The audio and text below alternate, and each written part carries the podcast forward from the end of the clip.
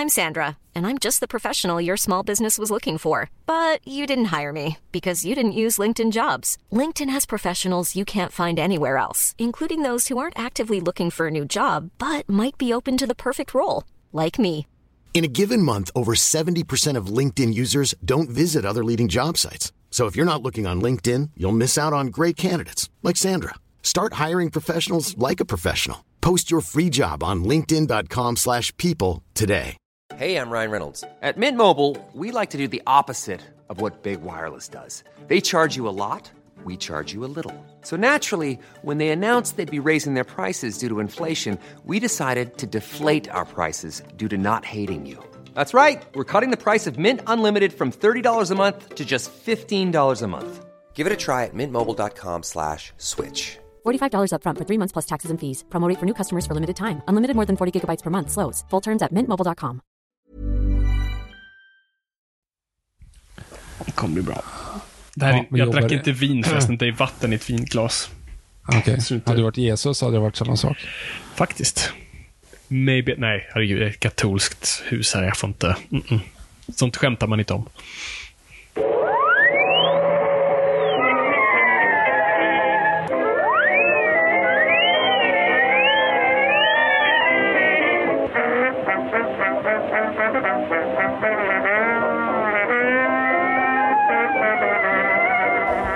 Börjar jag i stort sett bara.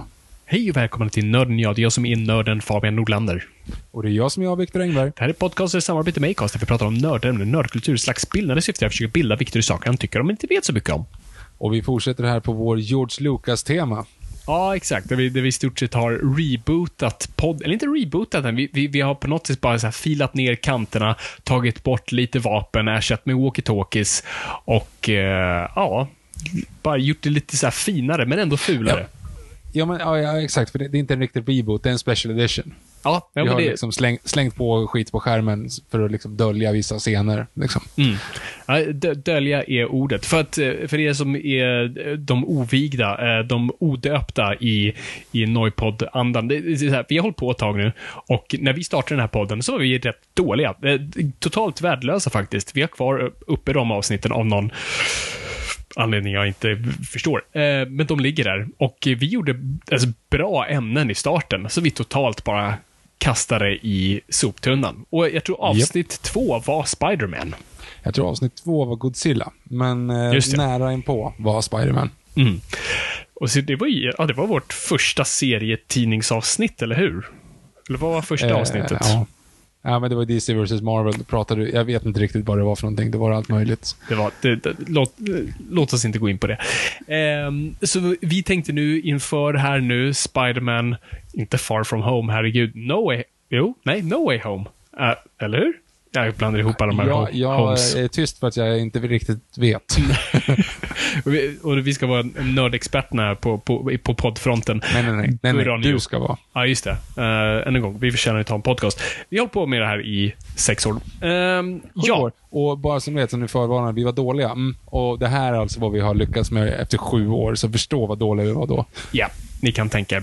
Så, innan du stänger av, snälla stanna, eh, så ska vi faktiskt gå igenom Spider-Man igen. För vi känner inte riktigt att, att vi, vi, vi liksom gav det, det ämnet sin rättvisa. Och vi, vi tänker framförallt just också sammanfatta lite det som troligtvis kulminerar i den här filmen. Vi vet ingenting, så det kommer inte vara några spoilers i det här avsnittet, för vi, vi har faktiskt inte sett No Way Home eh, än. Om det, om det är det den nu heter. Jag hoppades på att trean skulle heta Prom. Eftersom det var Men det har Homecoming. home. Ja, har ju Homecoming och så jag hoppades på Prom. Men ja, ja, vi, kan, vi kan alla inte få allt. Ehm, så vi tänkte gå igenom lite mer fokus just på filmerna. För just, än en gång, vi tror att det är det på något vis den här filmen kommer lite sammanfatta. Den cinematiska Spider-Man och hur den liksom har, var, var den är idag, var den landat och var den kommer ifrån. Hoppas vi. Vi vet ingenting. Ehm, men det känns som det är lite det saker det hintats om. Så, mm. Det kommer troligen vara så här, vi, vi kommer inte spoila Spiderman, nej, nej, men hela världen har sett den förutom vi också. Ja, jag vet. Det, det är pinsamt. Men vi kommer se den, så det här är lite som en upptakt. Och för er som då kanske har sett Spider-Man Far From No Way Home. Eh, eh, ni kanske säger, ah, gud vad taggad jag blev på Spider-Man efter att ha sett den här trean. Jag vill liksom resa tillbaka. Ja, men låt oss ge er en liten eh, trip down memory lane och, och ger på något vis lite nycklarna till The Spidey Kingdom. Uh, för bara liksom, gå igenom de filmerna igen. Det är en franchise som är shit över, alltså mm, serietidningen går och går längre tillbaka, men en filmfranchise som är liksom 20 år gammal. Det är alltså, så när vi började se Spiderman-filmer, Victor, vilket var 2002. Aha. 20 år därifrån, det var 1972. Vad fan gjordes det för filmer då? Förstå vilket hopp det är. 72 när, alltså, eller har jag gjort matte rätt nu? Eller åt, Ja, nej, det är 82. visserligen. skit. Du ser, det här är inget bra. Men, men, eh, men då, det, är alltså, det är ju Return of the Jedi-tiden. Liksom. Ja. Det är klart att det har utvecklats väldigt mycket på den tiden också. 84 var Return of the Jedi om jag inte minns, missminner mig. Jag tror att 83. Men ja, nej, men skitsamma. Men det är fortfarande väldigt lång tid. Så ditt, ditt eh, resonemang håller, tycker jag ändå. Ja. Det är i alla fall en shitload of time och sex, nej, fem plus det, åtta filmer. Nej, nej, nio filmer. Vi har, vi har också Beroende på hur man räknar. Ja, vi har en animerad film här också i, i, i Mm. mitten av det hela. Så det, det, ja shit, det, det, det finns så mycket att beta av. Så vi, vi tänker att vi ska liksom kasta oss tillbaka lite, down memory lane och gå igenom lite, vad har de här filmerna gjort? Vad, vad, vart är vi på väg, Karin? Ehm, På semester, älskling. Så det är där vi är helt enkelt. Men Viktor, först vill jag ju fråga dig, vad är din relation till Spider-Man? Spiderman har jag typ egentligen ingen riktig relation till som yngre. Jag- Det var ju de, alltså, det var ju skoterkidsen som tittade på Spiderman. Eh, alla andra kollade på Batman Animated Series. Alltså, jag, jag tänker, Spiderman tänker jag TV3. Alltså någon så här som, mm. någon sån här, det var lite weird att kolla Spiderman-serien liksom. Ehm, så jag har ingen riktig relation till Spiderman som ung. Sen såklart visste man ju vem det var och så. Men jag har egentligen inte sett någonting. Eller liksom, det är klart man visste vad konceptet var, men det är Tobey Maguire 2002 som egentligen på något sätt ändå cementerar karaktären för mig. För innan har inte jag varit 100% säker på att han heter Peter Parker ens. Liksom. Mm. Ja, intressant. Nej, men jag har nog en liten eh, varmare eh, känsla till, till Spiderman och start. Jag var ju såklart då Team Batman eh, som liten och Team DC i stort sett hela min barndom. Men man kunde ju inte undgå Spiderman, särskilt då den animerade serien. Men som du ser, det var lite såhär TV3, det var lite fulare. Det var, den och X-Men var lite såhär, det var fulare animerat, det var inte liksom samma grej. Det var det, det, dålig framerate och allt det där. Det, det, liksom, det, mm, det satt inte bra. Men jag, men jag älskade designen av allting. Jag älskade hur Spiderman såg ut, jag älskade hur Lizard såg ut och eh, Doc Ock och sen såklart Venom. Och jag kommer ihåg att jag ganska tidigt hade en eh, målarbok som barn har, alltså med bilder som du ska fylla i med färger. Och jag var inte särskilt begåvad eh, unge, fråga bara Viktor när det kommer till frågan om Warhammers. Ehm, så jag gillade väldigt simpla grejer. Och, och Spiderman var ju väldigt tacksam att mm, rita, måla, alltså fylla i. Det var bara rött och blått. Du behövde vara två färger bara, och du kunde verkligen bara tok måla. Och det, det, det liksom behövde inte gå in på detaljerna riktigt. Och det var väldigt skönt. Eh, så jag gillade det. Och jag gillade den tekniska. Och jag, har, jag tror jag berättade det här i det avsnittet. En av mina mest sviniga, hemska stunder som ett riktigt dåligt barn var, jag hade fyllt år, eller var julafton. Och jag, jag önskade mig så himla gärna en Venom-leksak. Och eh, jag tror jag hade, och jag hade specifikt önskat, önskat den av min gudfar. Och eh, så kom den dagen, julafton var det nu var, och presenten kom och jag fick bara jättefina rollerblades. Och det, var, det är ju verkligen en jättefin gåva till ett barn. Inget barn förtjänar rollerbase så jag fick rollerbase. Men jag var fucking missnöjd. Och så kommer min farsa med telefonen och säger, ja men tacka din gudfar för presenten. Jag bara, hej, eh, gudfar, eh, tack så jättemycket för presenten. Det var ju synd att ni inte var Venom, men tack så jättemycket. Och jag tror min far gestikulerade väldigt våldsamt eh, när han hörde vad jag höll på med. Och eh, ja, så, men det tyder på hur mycket jag var liksom förälskad i, i den franchisen. Och sen när, när Raimi-filmerna kom, alltså, det är lite det här som jag vill på något sätt komma till med Spiderman. Spiderman är nog den ultimata wish fulfillment-superhjälten. Eh, kanske mer så än Superman. Superman tror vi pratar om att vi, vi, vi vill nog inte vara Superman, vi vill kunna flyga. Jag tror allt annat tycker vi, är nästan- jag vill inte vara helt odödlig eller openetrerbar. Ja, wrong choice of Googla words. inte. Nej, nej, precis, googla inte det. Ehm, jag vill ha någon form av mänsklighet, men just den här att svinga och klättra och allt det där som Spiderman kunde var ju, var ju tokdrömmen. Och särskilt efter vad Raimi-filmerna gjorde. För jag kommer ihåg, du vet, den andra lägenheten vi bodde i, eh, Victor, hade en Ja. hiss. Och den hissen hade ju, liksom, var en vanlig hiss, eh, hade en, hade en dörr, men han, moderna hissar har ju liksom två dörrar som en slussdörr. Eh, men den hade inte det, så du kunde ju liksom se dörrarna du passerade när du åkte upp eh, med den hissen. fake, gick med fingrarna. man, exakt, man Ja. klättrade. Och så många sjukdomar jag säkert har fått och förgiftningar som kommer hanta mig när jag blir äldre, då jag verkligen har jobbat sig in i systemet, fick jag därifrån säkert. För att jag le lekte Spiderman. För det var där man kunde få lite känsla av att klättra på en vägg. Och jag kommer ihåg också hur man kunde gå på stan och bara tänka hur man, hur man typ svingade mellan, eh, mellan hustaken och man typ började tänka på, så skulle det funka? Det är väldigt låga hus här. Och sen kommer jag också ihåg, alltså Spiderman 2, spelet Spiderman, eh, Playstation 2. Alltså, herre min jävlar. Alltså, jag vet, vi har nu Spiderman-spelen till PS5, men alltså, det här var ju the precursor till det där. För jag kommer du hade först, alltså, första Spiderman-filmen, tie-in-spelet. Och det var väl helt okej, okay. men det var bara några få banor du var i New York och då sköt webben upp i himlen. Men här kunde du ju då verkligen, alltså all, all, all spiderweb träffade, liksom, de var programmerade det så pass väl att det, det kunde bara träffa hustak och husväggar. Och du hade hela New York för dig själv och du kunde gå runt och bara rädda folk willy-nilly. Det, var- det var helt fantastiskt och jag, alltså, gud vad jag spelade, bara, alltså bara var Spiderman. Jag spelade ju långt efter jag var klar med det. För du kunde ju fortfarande så här rädda folk och någon blev rånad. Så det var så här, e, lite som GTA, du kan typ alltid spela det. Men vanliga människor lägger ner efter ett tag. Jag gjorde inte det. Så att... Um, ja, men jag har på något sätt alltid gillat Spider-Man i periferin någonstans. Han har aldrig varit min så här på så vis. Även när det kom sen till serietidningarna, när jag började läsa läsa serietidningar och försökte komma in i Spider- Spider-Man tyckte det var jättesvårt att komma in i. Eh, Batman på något vis, jag hade ju lite mer kontext av Batman. Spiderman fick jag nästan alltid känslan av att jag hade missat en jävla massa. Och det är ju för att Marvel är lite svårare på så grund av att den har lite av den här såpopera-grejen över sig, särskilt X-Men. Men Spiderman har lite det också. Du liksom, hade du missat Spiderman, då hade du missat ganska mycket. Mycket hade hänt. Um, så det var väldigt svårt, så jag försökte hitta bra serietidningar som, som kom in och som var nästan standalone stories. Spiderman Blue är väl den som, som dyker upp främst av Jeff Lobo och Tim Sale. Så att, eh, så, så det var liksom, Spiderman är alltid någonting jag har på något vis här, det, det är som en härlig liten, det är som uh, råbiff liksom. Du, du älskar det när du väl konsumerar, men du, du äter inte det varje dag. Det är liksom, det är ingenting jag vill ha varje dag. Men när det väl kommer, bara, ah fan, jag ska, jag ska ha råbiff. Eh, det är lite så jag känner med Spiderman. Det börjar ju dock inte riktigt med, med, med oss. Det börjar mycket tidigare. Och Det har vi redan gått igenom i tidigare avsnitt. Men det finns ju någonting som de flesta ändå har lite koll på. Trots att man inte är så insatt, som jag tror då till exempel.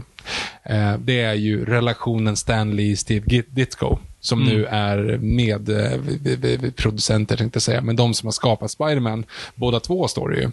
Ja. Eh, och det är ju ett intressant koncept. Jag kommer ihåg i periferin lite grann hur du berättade om det. Ta det en gång till Fabian. Vad är dealen mellan Steve Ditko och eh, Stan Lee? Ja, men det är det som är så intressant. Och, och, och man kan verkligen bara spekulera i det här. Och det säger vi nu, eh, Marvel eh, slash Disney. Vi spekulerar vilt här. Um, det är ju just, vem är skaparen bakom Spider-Man? Och det är ju lite det här tillbaka till nästan som Batman med, med Bob Kane och Bill Finger. Alltså, vem, vem gjorde vad exakt? Vems finger petade rätt? Alltså, vem fan vet? Och jag tror mycket av ens partiska, vad man gillar och föredrar, vem man egentligen vill spela väldigt stor roll. Jag tror i mitt innersta inre så, så vill jag att det är Steve Ditko som står bakom allt. Men i mitt yttersta yttre kanske det inte är så. V- vem vet? Nej, men så här, eh, enligt Stanley så är det han som kommer på Spiderman, punkt slut. Eh, men att han, men han har varit väldigt smart där, för han säger alltid, men jag har alltid skrivit att jag, ska, jag är medskapare till Spiderman, jag och Steve Ditko. Så han, han, han spelar väldigt ödmjukt kort där, som må vara sant. Jag, jag spekulerar hej vilt här. Disney. Um, Nej, men så, så, det, det är ju det är ju Stan Lee som, som i alla fall säger att han satt en dag och funderade på superhjältar. Han hade ju skapat Fantastic Four vid det här laget och eh, eh, inte Captain America, trots att han kanske har påstått det ibland också. Eh, men, men framförallt eh, Fantastic Four och Hulken vid det här laget. Och han skulle fundera ut en, en ny superhjälte och han såg en fluga klättra på väggen och han tänkte mm, Flyman. Och bara, nej det, det funkar inte riktigt heller. Insect Man, bara, nej det funkar inte. Och så bara Spider-Man. Och det tänkte jag så, ah, det, det bara var något catchy i det. Eh, men, men hans redaktör vid det här laget ville inte göra någonting om det, för det, det lät mer som en skurk och det lät, ingen gillar spindlar, varför ska vi göra det för? Och, eh, ehm, och Stanley ville då göra honom till en, istället för en stark man, så ville han göra honom till en tonåring. Bara det var ovanligt. Det tonåringar var bara sidekicks för det här laget. Alltså kolla på Bucky Barnes och Robin och allt det där. Men han vill göra till en eh, ungdom, en tonåring som går i skolan och har pengaproblem också. Han har massa problem. Och sen går han i stort sett till Steve Ditko och säger här, det här är vad jag har tänkt på. Så, gör någonting. Och så ritar Steve Ditko den, den, den kostymen vi känner till idag. Och det måste vi också bara trycka på hur jävla sjukt det är att någon bara kommer på den kostymen rakt av sådär. Visst, det, det är ju säkert inspiration där lite från Mexican wrestlers och allt det där. Det, det finns ju uppenbart, men fortfarande hur absurd och weird den kostymen är. Och som nu är det så ikoniskt, vi tar det för givet, men förstå bara komma på den. Alltså vid det här laget, alltså bara också heltäckta ansikten vid det här laget var inte vanligt. Jag kan inte, det fanns säkert, jag kan inte komma på någon just nu, för att vi hade alltid, alltså, kolla på Fantomen eller Batman eller vad som nu fanns vid det här laget, även i Marvel, alltså när du har Fantastic Four och, och, och Hulken, det är ju liksom, du ser ju folks ansikten, eller bitar av dem i alla fall. Men här hade du en heltäckt grej, och det, och det spelar du ju också in i den här grejen, att som är så fantastiskt med Spiderman, att vem som helst kan vara Spiderman. Um, och han ser inte ut som en liksom, Captain America eller Superman, han ser superstark ut. Han ser ut som en vanlig tonåring. Um, eller ser ut som en vanlig person. Kanske inte ölmage, men han, men han har en hel täckt mask liksom. Och det är så här, vem som helst kan vara Spiderman. Det, det tar ju Michael Bendis ett steg vidare med, med Ultimate Spiderman. Um, nej men så, så det är ju då Steve Ditto säger ju att det, det är hans kreation mest. Att det är han som, som han ritar karaktären, det är det som är karaktären. Att liksom allt annat runt omkring, och, och där är det väl lite skillnad vem som kom på vad och sånt där. Uh, Batman är det väl betydligt klarare att Bill Finger kommer i stort sett på allt. Bob Kane. Man har ju sett den här renderingen av så här Bob Kanes version. Det är bara en kille i röda trikåer och Batman-vingar och en vanlig så banditmask. Eh, med Bill Finger har du ju liksom The Batcave, Alfred, Jokern, alltså Robin, du har liksom pa, pa, pa, allt. Um, Bob Kane hade inte så mycket att komma med till det bordet. Men, men det, det är en diskussion för en annan gång. Bob Kanes fru är ju med i um, några filmer. Ja, två av dem. Nej, tre. Ja. Tre, två eller tre. Ja, hon är definitivt mm. med Forever och uh, Batman och Robin. Uh, men, men hur som helst, det, det, det, det har varit väldigt, det var ju väldigt liksom argt mellan de två. De bröt ju efter ett tag och, och Steve Ditko gjorde inte så många nummer av, av Spiderman. Um, men problemet har ju just sen var hur Stan Lee har liksom ställt sig i det hela. Eh, Ditko har ju varit väldigt tillbakadragen, han har ju aldrig gjort intervjuer, han levde väldigt enkelt, eh, han hade sina radikal, sin radikala syn på världen ehm, och bara var, var ett galet geni på ett sätt, medan Stan Lee gick runt och Uh, det var, var det Alan Moore som sa så här, det var när jag förstod allt det här, jag förstod varför Stanley ler hela tiden. Um, och det, det är på något vis att, ja, Stanley var, gick alltid runt med det ödmjuka kortet att vi har gjort det här tillsammans och Ditko var såhär, här, mm, inte så mycket, för eh, här kommer vi in på något som är just Mar alltså the Marvel method, som vi har pratat om mycket, mycket förut. Just det här med att The Marvel Method var väldigt unikt för just Marvel och det var, Stanley gjorde ju typ alla tidningar ett tag. Han skrev ju i stort sett alla nummer av alla superhjältar. Eh, så då var det den här grejen att han hade väldigt talangfulla eh, illustratörer som då eh, Ditko eller Jack Kirby. Och han sa, oh, this week Thor will fight uh, a big ant. Och så gick han därifrån. Och så gick Jack Kirby iväg och så ritade han den här storyn och i stort sett liksom byggde hela den storyn. Eh, och till och med skrev liksom förslag på dialog till Stanley som sen i stort bara fyllde, och sen gick Stanley efteråt när allting var klart, bara fyllde i vad han trodde storyn var. Och det var ju där det kunde vara lite så här misskommunikation, som jag, jag tror vi har nämnt det tidigare. Där. Alltså, Ditko var ju inte, alltså han var ju inte jätteförtjust i människor och, och minst sagt liksom kontrakulturen och i hippiekulturen så kunde det ju vara någon scen där han ritat Spiderman liksom svinga förbi några hippies och i hans version så är det liksom damn you, you damn dirty hippies. Men i eh, Stanleys version så är det liksom hello Spidey friends. I support you. Excelsior.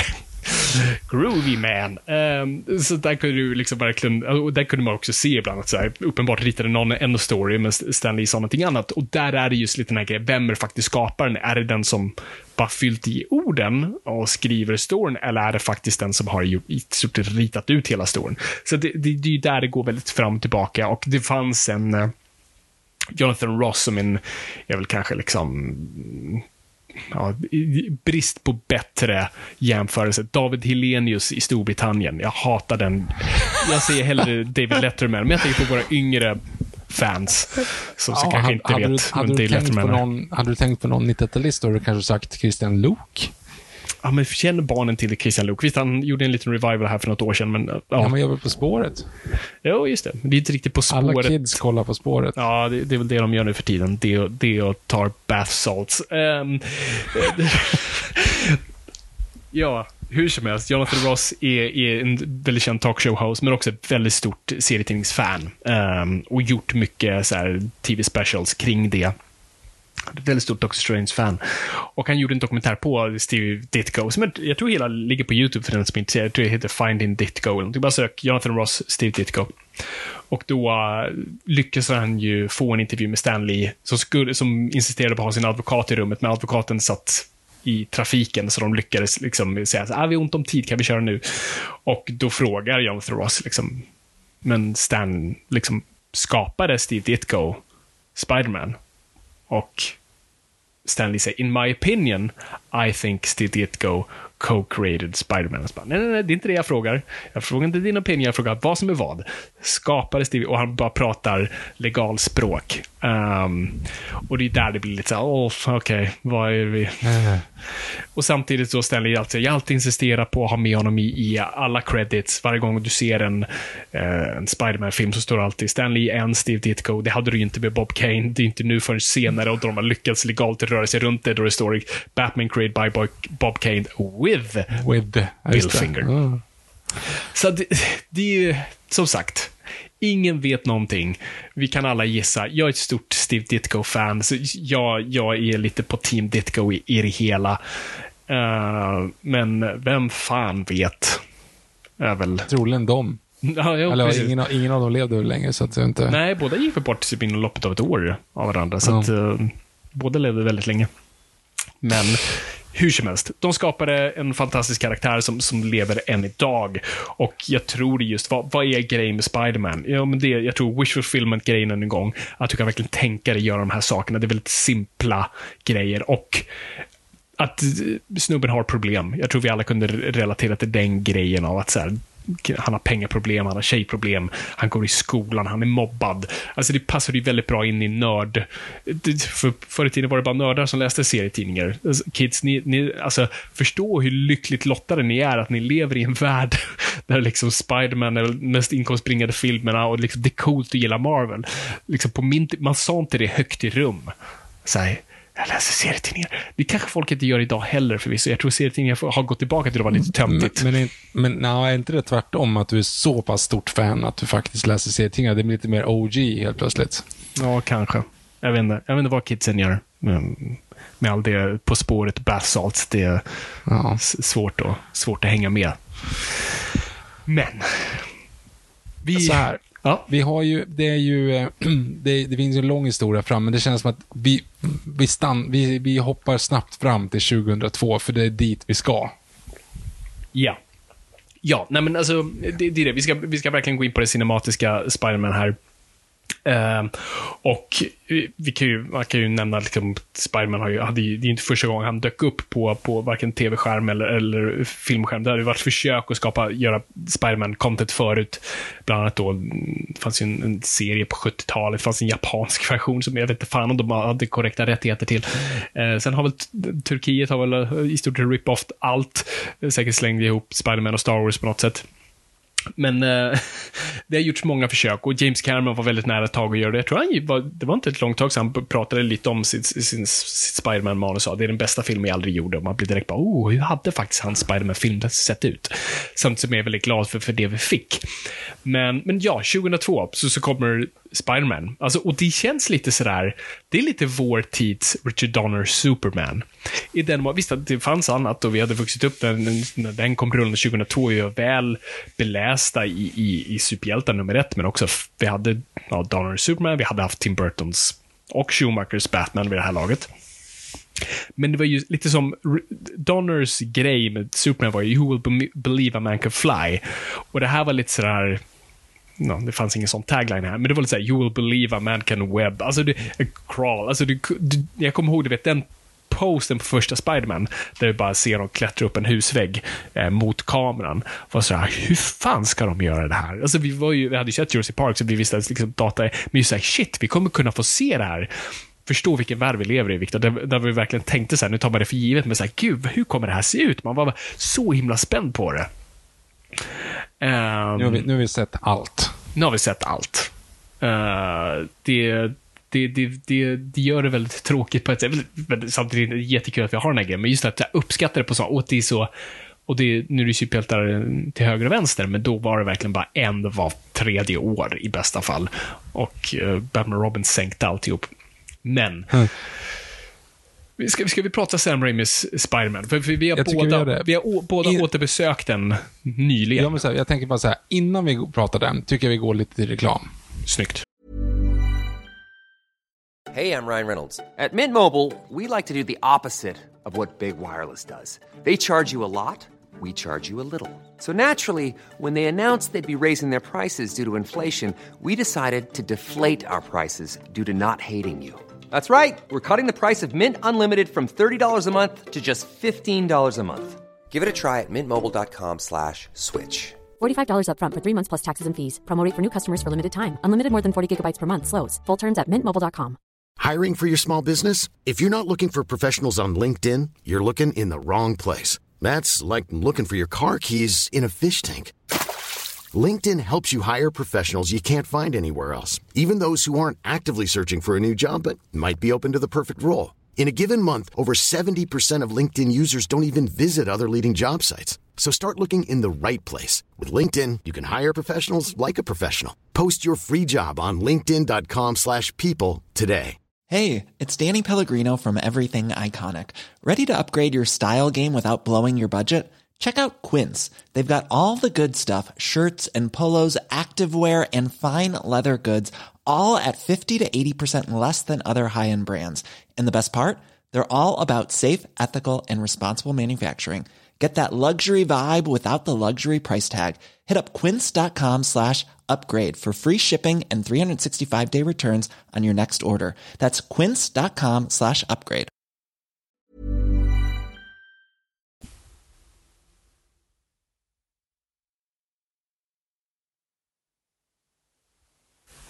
All right.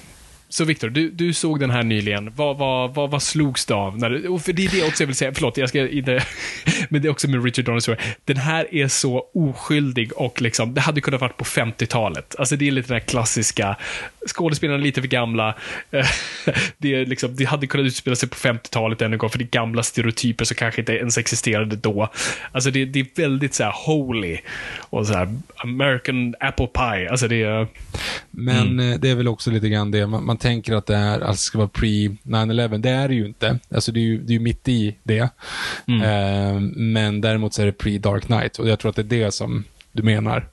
Mm. Eller det jo, men, det man ser. Och det är ju pre 9-11 i form att den spelas in innan 11 september. Och det finns ju den här kända er som inte vet om det. Sista akten skulle ju äga rum kring eh, ja, World Trade Center och till och med teaser-trailern för Spiderman var ju att Spiderman har, vi ser inte honom, men det är, en det är ett rån som äger rum. Är det en helikopter eller en bil? Jag kommer inte men den, vi ser sen att det fordonet har då spänts upp mellan de två tornen. En helikopter som fastnar ja, i, i ett nät uppspänt mellan Twin Towers. Så det var ju liksom, det, det, var en stor del av kampanjen och sen skulle det vara en stor del av, av filmen. Uh, och sen blev ju inte det uh, uppenbart. Um, så det här är ju verkligen en oskyldigare tid. Det är en väldigt bra, vi kan komma tillbaka till Spiderman 2. Mm? Fortsätt. Men, men så här, vi kanske ska börja redan innan, för att det handlar ju, det, egentligen hela essensen i det här avsnittet och hela essensen i varför vi sitter här och håller på och pratar om någonting e-, enskilt, bara en superhjälte så här, det är ju för att Sony har ett finger med i spelet. Du kanske ska dra den bakgrunden snabbis. Ja, vi, vi, vi har, det har varit många avsnitt om det, men det var länge sedan nu och det, det är just att, alltså, vi ser nu Marvel som den här mastodonten och visst, de ägs av Disney, men de, de kan ju fan stå på egna fötter om de så ville. Eh, men på 90-talet såg det inte ut så. Det var total, det var efter också hela serietidningsbubblan, då, då man spekulerade på serietidningar likt eh, eh kryptovalutor och eh, bubblan sprack och eh, man tryckte mer serietidningar än vad man kunde sälja och det gick käpprätt åt helvete eh, för alla, men särskilt Marvel, eh, som kanske hade verkligen gyn gynnats mest av, av hela eh, boomen. Och helt plötsligt så stod de på kanten av eh, finansiell kris och eh, konkurs. Och man försökte sälja dem fram och tillbaka, olika företag hoppade in och hoppade ut. Eh, men vad framförallt Marvel gjorde var bara att sälja alla former av rättigheter till olika företag. Framförallt filmbolag, filmrättigheterna, de sålde de för ingenting. Och då bland annat då Sony köpte upp rättigheterna till Spiderman och de köpte inte bara filmrättigheterna, de köpte liksom en bit av Spiderman. Så det, den där dealen är liksom eh, rötterna sitter djupt i eh, den karaktären. Det är inte som så, nu när de köpte loss tillbaka X-Men och sånt där. Alltså det, det, det, det är djupt rotat i Sony. Så det är därav vi ser att Sony gör då en film på den här franchisen som typ ingen tror på, vilket är rätt sjukt när vi tänker på det nu. Och så börjar de. Ja, precis. Det var, och, och, och så börjar de. Alltså, det, det sjukaste valet de gör här, som är, som är på något sätt briljant, är att ta in Sam Raimi. Som är liksom Mr. Evil Dead. Visst, han hade gjort liksom lite kritikerrosade filmer vid det här laget, men han var liksom en oddball. Han var inte den man först tänker. Då är ju James Cameron ett upp, mer uppenbart val. Eh, och jag tror det är mest briljanta man, man kunde göra. Sam Raimi var också ett väldigt stort serietidningsfan. Också ett stort Doctor Strange-fan, så det är inte så konstigt att han gör Doctor Strange nu. Och de nämner ju Doctor Strange i, ja, det är Spider-Man 2. Um, vilket är lite roligt. Lite som uh, This is why Superman works alone. Uh. Eller You're not Superman, you know, som makes no sense. Ja, just det. Och han säger Shazam.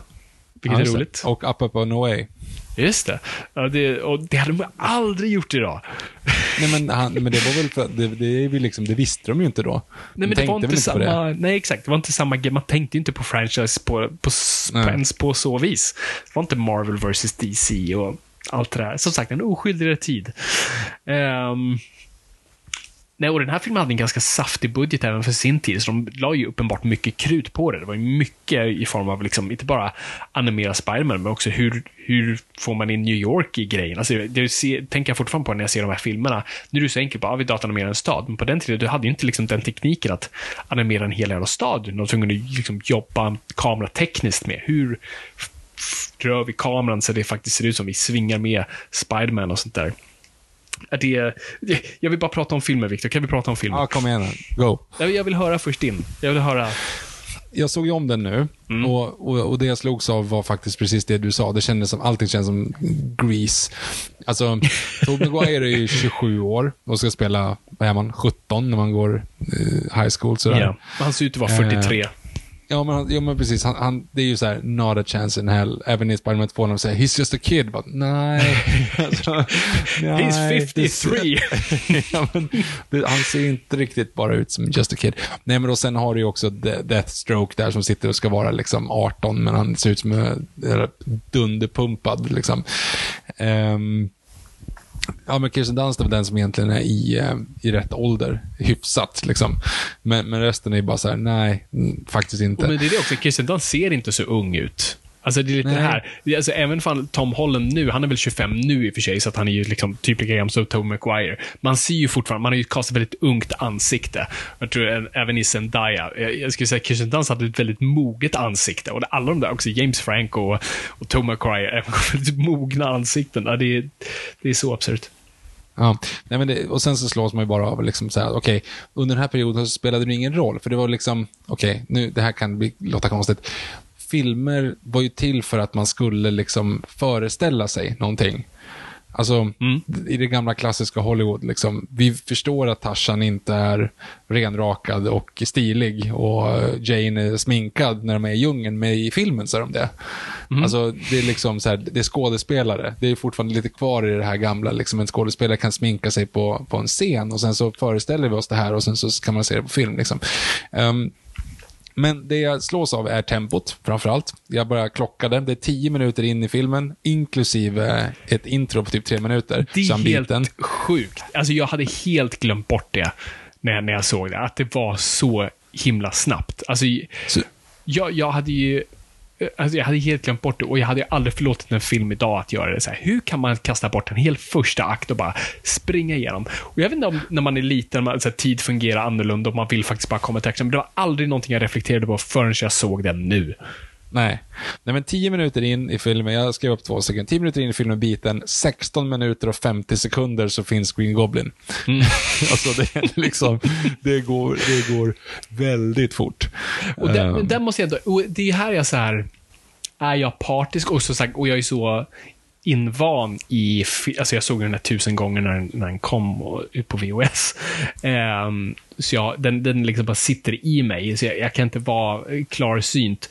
Men eh, så på ena sidan är det bara, jag var ett barn så jag bara, jag, den här filmen sitter i mig så jag kan inte tänka kritiskt. Eller är det så att filmen faktiskt är så välberättad och välgjord att så här, nej men vi har etablerat typ så himla mycket på de här tio minuterna så att det är lugnt.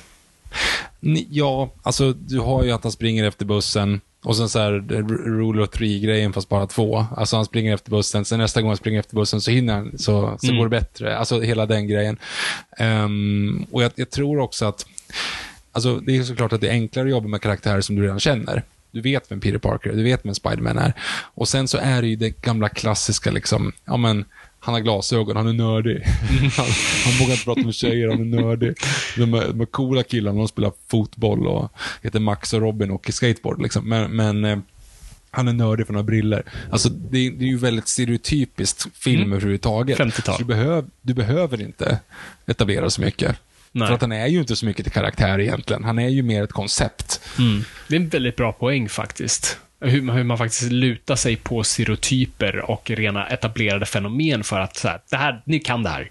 Nu kör vi. Ja, exakt. Ja, okej. Faktiskt, jag har inte tänkt på det på så vis. Ni vill kul. se Spiderman, vi vill visa Spiderman, vi skiter i det här. Exakt. Ni fattar dealen. Ehm, ja, det är faktiskt väldigt bra. En fråga, på tal om Mm. ålder. En- Killen som är med om på den här science-utflykten till där han blir biten av spindeln, han med glasögon, Ja. så att ber alla vara tyst hela tiden. Han, han ser ut att Lärare vara en eller klasskompis. Ja, Precis. Han, han ska ju vara en, en lärare, men... Vilket men gör det så ännu Ja. mer absurt där. För jag, tror, jag har alltid hundrat på att han var klasskompis som kanske var, bara du vet den här klasskompisen som alltid säger men skärp dig nu, vi vi är faktiskt här för att lyssna. Men nu när jag kollar så bara, nej, jag tror fan det här, för han säger Nej, typ, han jag ska- kommer han ska nog faila er. Ja, Om ni är exakt. så här, bara, alltså, hur tänker man castingmässigt? Så här, Ni har 45-åriga, liksom, nära pensionsålder huvudskådespelare och så castar någon som nästan ser liksom yngre ut. Man skulle haft en gubbe men det hade varit så mycket enklare. Ja, men eller liksom en liten tant. Alltså det hade varit Ja. så mycket enklare liksom. Ja, det är så lite förvirrat. konstigt. Det är, ja, det, är, det är jätteroligt hur som helst. Eh, och sen, sen är det coolt hur de gör vissa saker som jag fortfarande säger, hur gjorde de det där? Alltså som när man ser Tobey Maguire jättebenig i starten, eh, när han Mm. precis blev biten. Och idag vet man ju bara, face replacement, de gjorde det i, i första Captain America, det är enkelt. Men, då, men då, det är det jag älskar att se lite sådana här filmer, sådana mellantidsåldern, för, för eh, särskilt dataanimation. Så här, är det bara att de typ så här gjorde de en castaway, att de, så här, det var första scenen de filmade Tobey Maguire typ ett halvår innan, och så gick han och tränade. Uh, Ja, nej, alltså, eller en face replacement. Kanske. Jag har fan ingen aning. Det är bara, jag älskar sådana där grejer. Men det är inte en jätte, jättestor skillnad heller. det var det också, för jag kommer ihåg också sån här, från att säga, jag kommer säga, men han var, så här, Tobey Maguire var väldigt biffig. Det, är så här, det passar inte riktigt med Spiderman. Han skrev mer slank och liksom, ja men lite som, ja, men som Tom Holland är nu. Och så ser man det bara, oj, nej, han har ju bara gjort lite armhävningar. Ja, bara så här, uh, we're, we're intensely working out for tre veckor. Liksom. Alltså, det, ja, men det, det är lite roligt. Men, så här, men, men utöver det så känns det som att alltså, hela filmen lever i, an, i en annan tid. Det görs inte såna här filmer längre, vilket gör att det, det är väldigt fascinerande. Men jag är inte helt säker på om det är till filmens fördel idag. Nej. Alltså, när man har sett, alltså, det är klart att man tröttnar på att se John Cusack åka en limousin genom ett fallande hus och åka ikapp en brinnande plan på en, en sönderfallande grej och hoppa. Alltså, du, vet, så här, du, du har sett allt. Du har sett precis allt. Det en konstig referens till filmen 2012 nu bara, by the way. Det var det jag bara tänkte på. Alltså just där, jag vet att Mark Kermode sa i den recensionen så här, att ingenting är spännande längre. Och det är lite det jag har fastnat med. Och det är ju det är för tio år sedan den kom, eller ännu mer. Eh, Och det är så här, du har sett allt. Du kan ta en kameraåkning genom ett fallande hus och följa en, en limousin, alltså vet så här, som, som åker genom en brinnande byggnad. För du behöver inte göra det längre, du bara ritar det liksom. Som, som min, Och- en av mina favoritcitat från Kevin Smith när han pratar om att så här, man kan inte göra någonting mer på Musse Pigg. Liksom. Folk kan se porr på internet. Det finns, du kan inte göra någonting mer med den karaktären.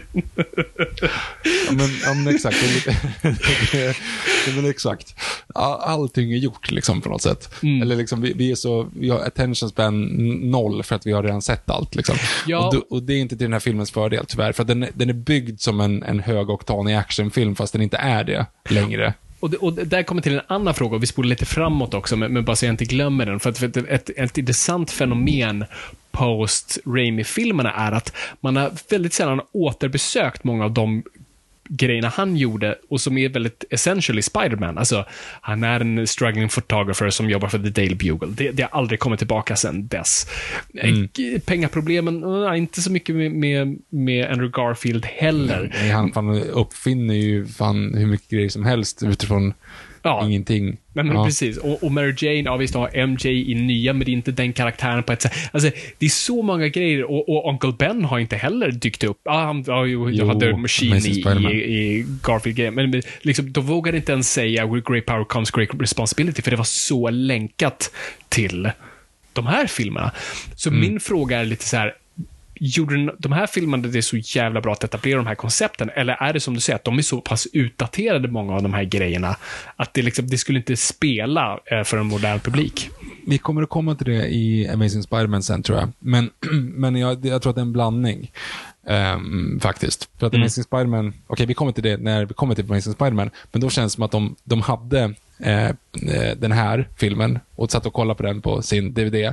Och så sa de så här, hmm, hur ska vi göra den här scenen lite annorlunda? Jo, men vi gör så här bara. Hmm, hur gör vi den här scenen lite annorlunda? Men vi gör, så, vi gör så här istället. Alltså, det kändes som att allting var samma sak. Han stoppar inte vid en wrestlingmatch, utan han stoppar vid ett eh, rån istället. Alltså, det, det, ja, för det är samma film eh, fram till en viss punkt. Precis.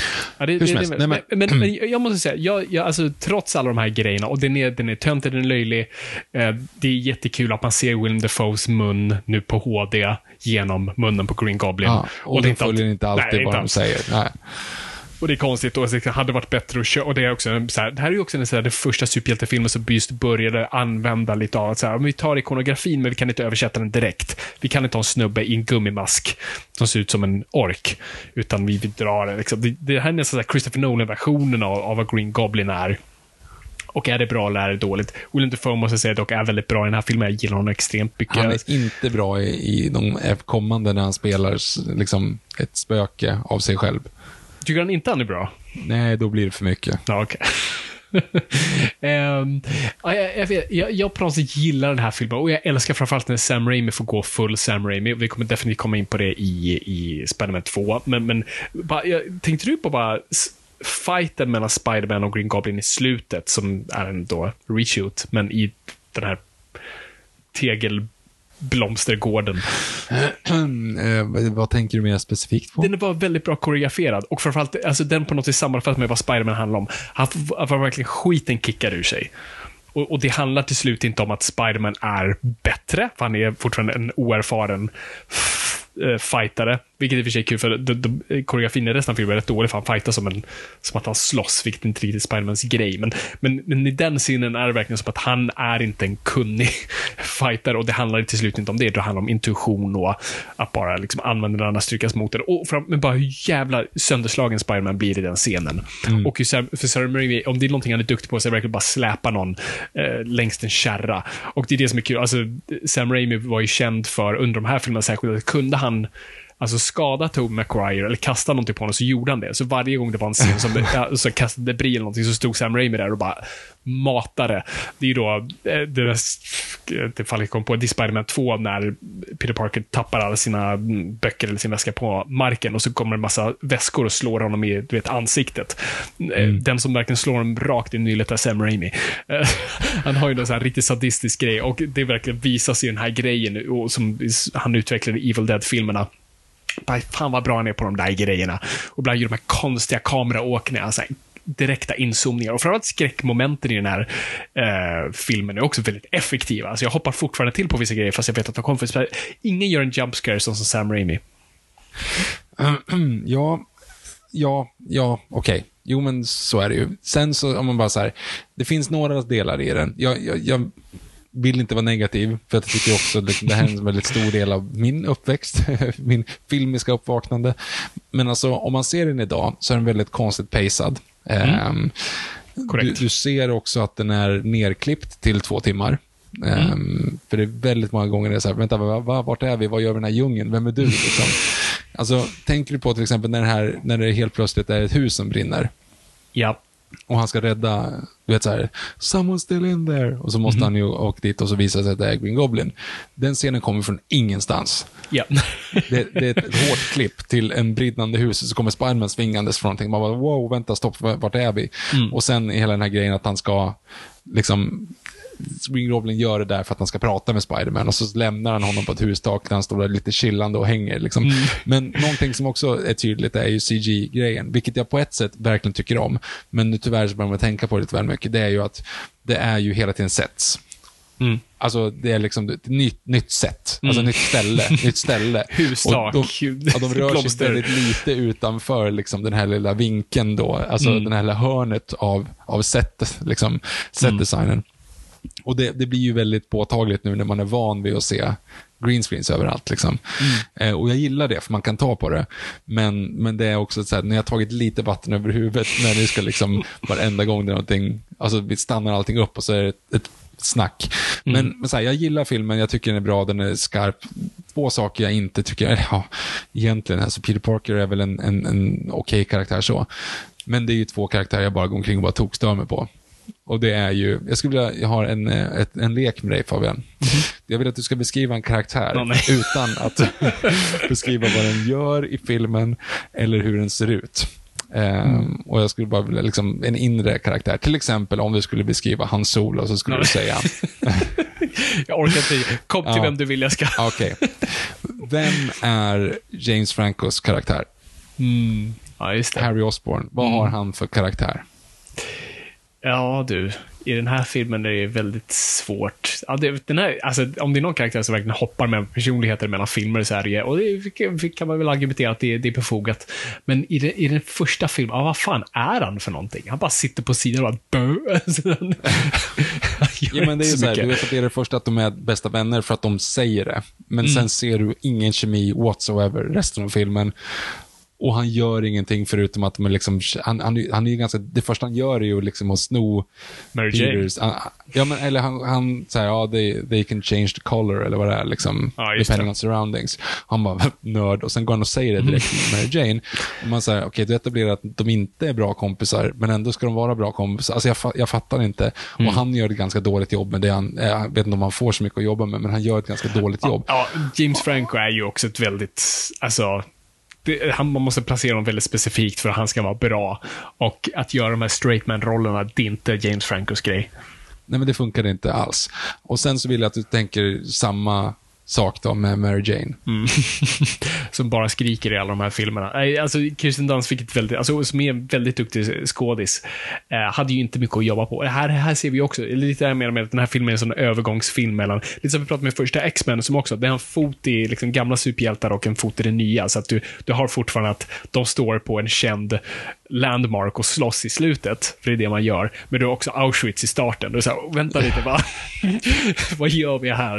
Eh, och det är lite så den här filmen också är, för här har du ju också bara den skrikande damsel in distress. Och det är inte riktigt det heller Mary Jane var. Mary Jane är ju mer som kanske Zendaya, fast i en mer modern tappning. Och vi, vi ska komma in på det. Men lite mer kaxig, lite mer sin egen. Eh, var en utmaning för Spiderman. Och det hade de, de gjorde inte riktigt det här, utan hon har inte så mycket att göra. Hon är bara ett offer, både liksom internt och externt. Alltså det finns ingen, ingenting alls i, i den karaktären så som är drivande. Och nu pratar inte jag om liksom, hur kön porträtteras, utan hur en faktisk karaktär porträtteras. Det är, liksom, hon driver ingenting.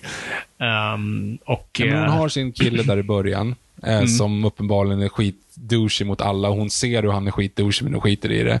Sen eh, är ju hennes eh, farsa är alkoholiserad och arg där. Men sen så, bryts, och så, så är hon bara med här, i- liksom, och bara ett offer där. Och sen så kommer ju hennes snubbe och köpte en ny bil, då blir hon impad av det och sen så bara skiter hon i sina kompisar för att han har en snygg bil.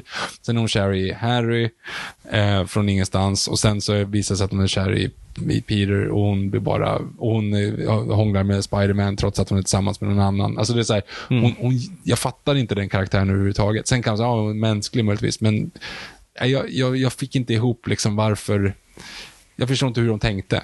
Nej. Eh, nej, jag tror inte de tänkte så mycket faktiskt. Utan det var nog verkligen by the numbers. Det här är ju verkligen studio-studio-film Och det, alltså, det är ju det man ser verkligen i den här filmen. Liksom, som du säger, den är exakt två timmar. Den, den gör vissa, alltså den är by the book på så många sätt. Och man ser verkligen hur Sam Raimi försöker bara forma sin egen. Det, alltså, det, det är ett jävla mirakel att filmen är så bra som den är. För den hade verkligen kunnat bara vara en sån här American High School-film. Eh, med lite actionsekvenser i. Uh, liksom Twilight-aktig. Men, men den är så mycket mer. Men jag håller med, alltså det, det är en väldigt schizofren film. och, um, och, ja. Och det ska bli intressant att visa eh, liksom, ja, men din son, mina eventuella framtida barn, liksom, den här filmen och se liksom, vad, vad som händer där, då man inte har kontexten av den längre. Kommer det bara vara så här, vad är det här? Ja, ja men, det, det, men den, den gick ju bra i alla fall. Ja, det gick skitbra. Alltså, den, den slog ju alla former av rekord. Framförallt just så här, jag kommer ihåg att så här, varje Spiderman-film slog alltid så här helgrekordet. Uh, alltså, den var ju den mest inkomstbringande filmen den på premiärhelgen. Uh, och det gick skitbra. Så studion bara, go nuts, gör en, gör en fucking till. Uh, och Sam Raimi får lite mer, liksom att peta i i. Uh, och de tar in nya manusförfattare. Så David Kapp skrev den första. Jag kommer inte ihåg, det par andra som skriver eh, nummer två. Samma snubbe som skrev eh, Amazing Spiderman skrev tvåan och trean vet jag i alla fall, eller en av dem. Mm. Jag kommer inte ihåg vad han heter. Det, det är intressant. Um, men ja, så, så tvåan görs. Eh, Doc Ock väljs, vilket jag, för den tiden var lite så kontroversiellt att de gick den vägen. Jag tror att många var lite så här, jaha, han? Okej, okay, han, han är absolut en av de större Spiderman-skurkarna, men han är lite såhär, okej, okay, hur gör du den karaktären? Alright, um, weird. Eh, och här, liksom, här tar de ju också tekniken till en helt annan nivå. Don't quote me on this, det är dumt att vara expert, men, men jag har för mig, men för jag, det här, den här filmen kom också peak, det här var en av de första DVDn jag hade, den här var sån här, du vet, två disk, eh, extra material var liksom guld på den här tiden. Ah, oh, Viktor, minns du tiden? Vi har alla varit där, Fabian. Mm. Jag, känner, jag känner värmen direkt av liksom extra disken. yes. Eh, och då kommer jag ihåg att de pratade om Spidercam, eller Spidercam, som idag. Ja. Och jag har för mig att det, här, det uppfinns för den här filmen och sen då används som den nu mest känd för typ fotbollsstadior. Stadium, stadier, stadiums. Jaha, den här som åker, åker genom New York. Ja, exakt. Så Spidey... När de filmar hur han flyger. Ja. Precis, som Spidey... Men den fanns väl redan i, i första filmen? Sista scenen är väl inspelad med den i första filmen också? Det kan vara så att det var en, liksom en, en rough version av en sån grej. De, de, men här gick, gick de loss på den. Eh, och som jag för mig då, sen dess så används, har den, nu har ju ersatts mot bara att göra digitala städer, men sen nu i stort sett gör det för att filma fotbollsmatcher. Och det är därför den heter just Spidercam, Spidercam. Um, men jag kan ha fel på den. Men jag har för mig att det är så. Jag skulle ha gjort min research. Jag vet inte om det sista, men jag vet ju just den här kameran, å, kameraåkningen de har löst. Liksom. Mm. Ja, men alltså, här ser man ju sånt jävla... Jag kommer ihåg Mark Comer pratade om det, att så här, i första filmen fanns det noll fysik i vad Spiderman gjorde och i tvåan så var det det de förde med sig. Och det, det håller jag verkligen med. Det, det är en helt annan fysik till, till, karaktären och hur de rör sig i, i rummet och New York och hur de, hur de leker med det. Och Ja, alltså, så, så den här, jag kommer ihåg, den här såg du och jag på bio, Viktor. Ja, jag, jag tänkte bara säga, alltså, jag måste dock slå ett slag för eh, datanimationen i första. Jag tycker att det funkar fortfarande. Jag tycker det också. Jag tycker, jag tycker inte att det är så dåligt. Enda gången man bara säger oj då, det är ju den här skeletten. När han kastar när Green Goblin kastar den här bomben så att alla blir skelett. Och det ser ut som salve, eller vad heter det? Eller vad heter det? Mysteriet, mysteriet på Greveholm. Mm. Mysteriet på Greveholm, exakt. Det fattas bara att skeletten hade ögonbryn. Ja, exakt. Nej, men, och det var så här, oj då, det skulle ni inte ha gjort. Liksom. Mm. Eh, men däremot, det finns ju någon scen när han liksom är helt datanimerad. Alltså även utan mask, så att säga. Mm. När han flyger. Och det var så här, fan det ser rätt snyggt ut. Det kommer ju i Spiderman 3 också visserligen. Mm. Men en, eh, jag tänkte också på en grej som, som eh, man ska nämna i ettan också, för att det kommer ju få fortsätta, det är ju att Bruce Campbell är wrestlingutroparen. Det ska vi, det ska vi verkligen slå ett slag för. Ja. Och det återkommer. Nej, verkligen. Alltså, den scenen där när, i första filmen, när, när han ges ut för första gången på jakt i sin första kostym. Mm. Då de har så här, alltså en ren digital karaktär med nästan ett mänskligt ansikte. Det är faktiskt mm. fortfarande såhär, wow, jävlar. Det är fan. skitsnyggt. Det är det, skitsnyggt. Alltså, många ja. grejer idag har svårt då, och det är inte att säga att, att liksom, idag är det mycket slarv och det, det är väldigt sorgligt att vissa saker fortfarande är på den nivån som är 20 år gammalt och hur bra det var. Um, det är väldigt um, fascinerande. Nej, bra poäng. Um, men ja, tvåan. som då, jag kommer ihåg, vi såg den här på bio, du och jag och Morgan. Och vi kom ut besvikna, kommer jag ihåg. Ja, gjorde vi. Ja. Jag tror vi, vi köpte inte det konceptet. Och jag var, också, jag var inte så familjär i Spiderman.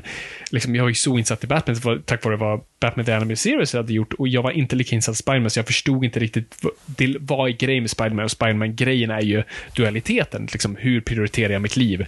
Liksom, ska jag vara den här hjälten och, och, och, och verkligen leva för det? Eller, jag har också privatliv och jag kommer göra folk besvikna på vägen, men jag kan inte berätta om, jag kan inte, för då kommer jag skada.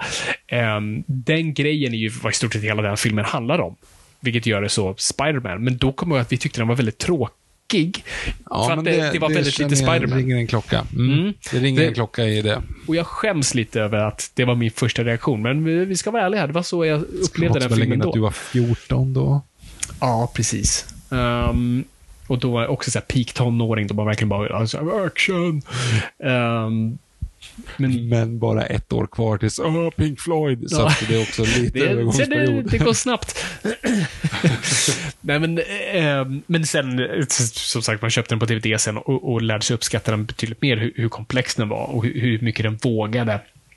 Och, eh, och idag är det ju, alltså den, den håller ju väldigt ofta, liksom är uppe där bland de bästa serietidningsfilmerna någonsin och den, framförallt den bästa Spiderman-filmen. Och eh, jag skulle väl definitivt säga det, ja. Eh, hur den vågar så himla mycket. Inte bara i form av berättandet, alltså att ha så lite Spiderman som den, eller ha rätt mycket Spiderman, men, att den vågar inte vara Spiderman ett tag. Um, att den verkligen går så djupt in i karaktärens kärna. Det är ju någonting vi verkligen pratar mycket om i den här podden, att så här, du kan vrida och vända på saker, men så länge du håller det till kärnan. Här är det är så mycket kärnan av vad Spiderman handlar om, så de lyckas fånga här så himla väl. Uh, de, alltså, Dark Ark ger dem också en i form av komplexitet. Jag tror jag inte i alla fall jag har inte upplevt i, i, i serietidningar då, nu, de har gjort betydligt mer med den karaktären sen dess. Men, och jag vill verkligen bara slå ett slag för, innan jag glömmer, eh, Doc Ock-sekvensen på, på kirurg britsen. Eh, jag måste bara ta den nu. För jag kom, den dök upp på Twitter för något år sedan. Och jag retweetade den och bara, för jag, jag kollade på den typ 10 gånger, 10-15 gånger. Och bara, nummer ett, hur jävla bra klipp den är. Alltså, ko, alltså studera den scenen. Alltså bara titta på den. Hur jävla, alltså hur, alltså, ah, alltså det är sånt här som får en, alltså man kommer, kommer ihåg, så, ah, just det, det, här, det här är varför jag ville jobba med film. Alltså hur en regissör sätter ihop bilder och hur varje bild är så otroligt uttänkt, varje klipp är så uttänkt. Och sen också är det bara, än en gång, Sam Raimi som får gå full Evil Dead. Och gå så over the top och bara göra en helt De, magnifik de dör sekvens. ju rätt rejält där. Ja, ja. Och hemskt och onödigt och riktigt horribel sekvens. Och det, det är sån här, alltså det är det här för vad man ska ha alltså riktiga autörer som gör de här filmerna. Någonting som gått lite förlorat i, i liksom massproduktion, Disney-eran här lite, uh, med rullbandsfilmskapande. Um, därför jag är så nervös och hoppfull kring Raimis Doctor Strange. Men, eh, men, men bara, bara den scenen för mig var såhär topp fem superhjältesekvenser ever. Yeah. Ja, nej men det, det kan, alltså, och det finns ju ganska många sekvenser i den här filmen som är pissnygga. Med reservation för att jag inte tycker att själva slutfighten är det. Och för den är nästan, alltså på ett sätt så, så är man ju också skadad med Blue Beam in the Sky. Alltså du är van att allting ska toppas upp och sluta med den stora fighten idag. Mm. Så är det ju så är det ju inte, det var det inte då. Och så är det inte i World War Z till exempel. Men alltså, ehm, för jag tänkte precis slå ett slag för när de slåss med Aunt May där, alltså uppe på husväggen. Mm. Alltså, pissnygg återigen när han tar, du vet, i den här, bara man ser hur fysiken fungerar, han får tag i visaren och skickar tillbaka den upp Mm. på honom. Man liksom fattar känslan i det. Du har, när det är tyst också, när de Mm. slåss ju, de slår ihop och det bara blir helt, alltså knäpptyst och de står bara och bankar på varandra Mm. Kameraåkningar som följer dem fallande längs med den väggen. Och du har liksom, har du bra ljud i, i tvn så har du jävla bra bas i hans eh, fötter. Mm. När de går längs väggen liksom. Det är riktigt snyggt. Ehm, och även hela den här grejen med bilen såklart, alltså trailer moment, men, men det Mm. var ju skitsnyggt. Verkligen. Eh. Och, och här är ju också verkligen, alltså ljudet i den här filmen jag glömt bort hur jävla bra det var. Alltså väldigt bra på, alltså det är, lyssna på den här filmen. Helt sinnessjukt. Eh, och sen också bara kommer jag tänka på just effektmässigt. Det här var ju också en av de första filmerna som körde alltså facial motion capture.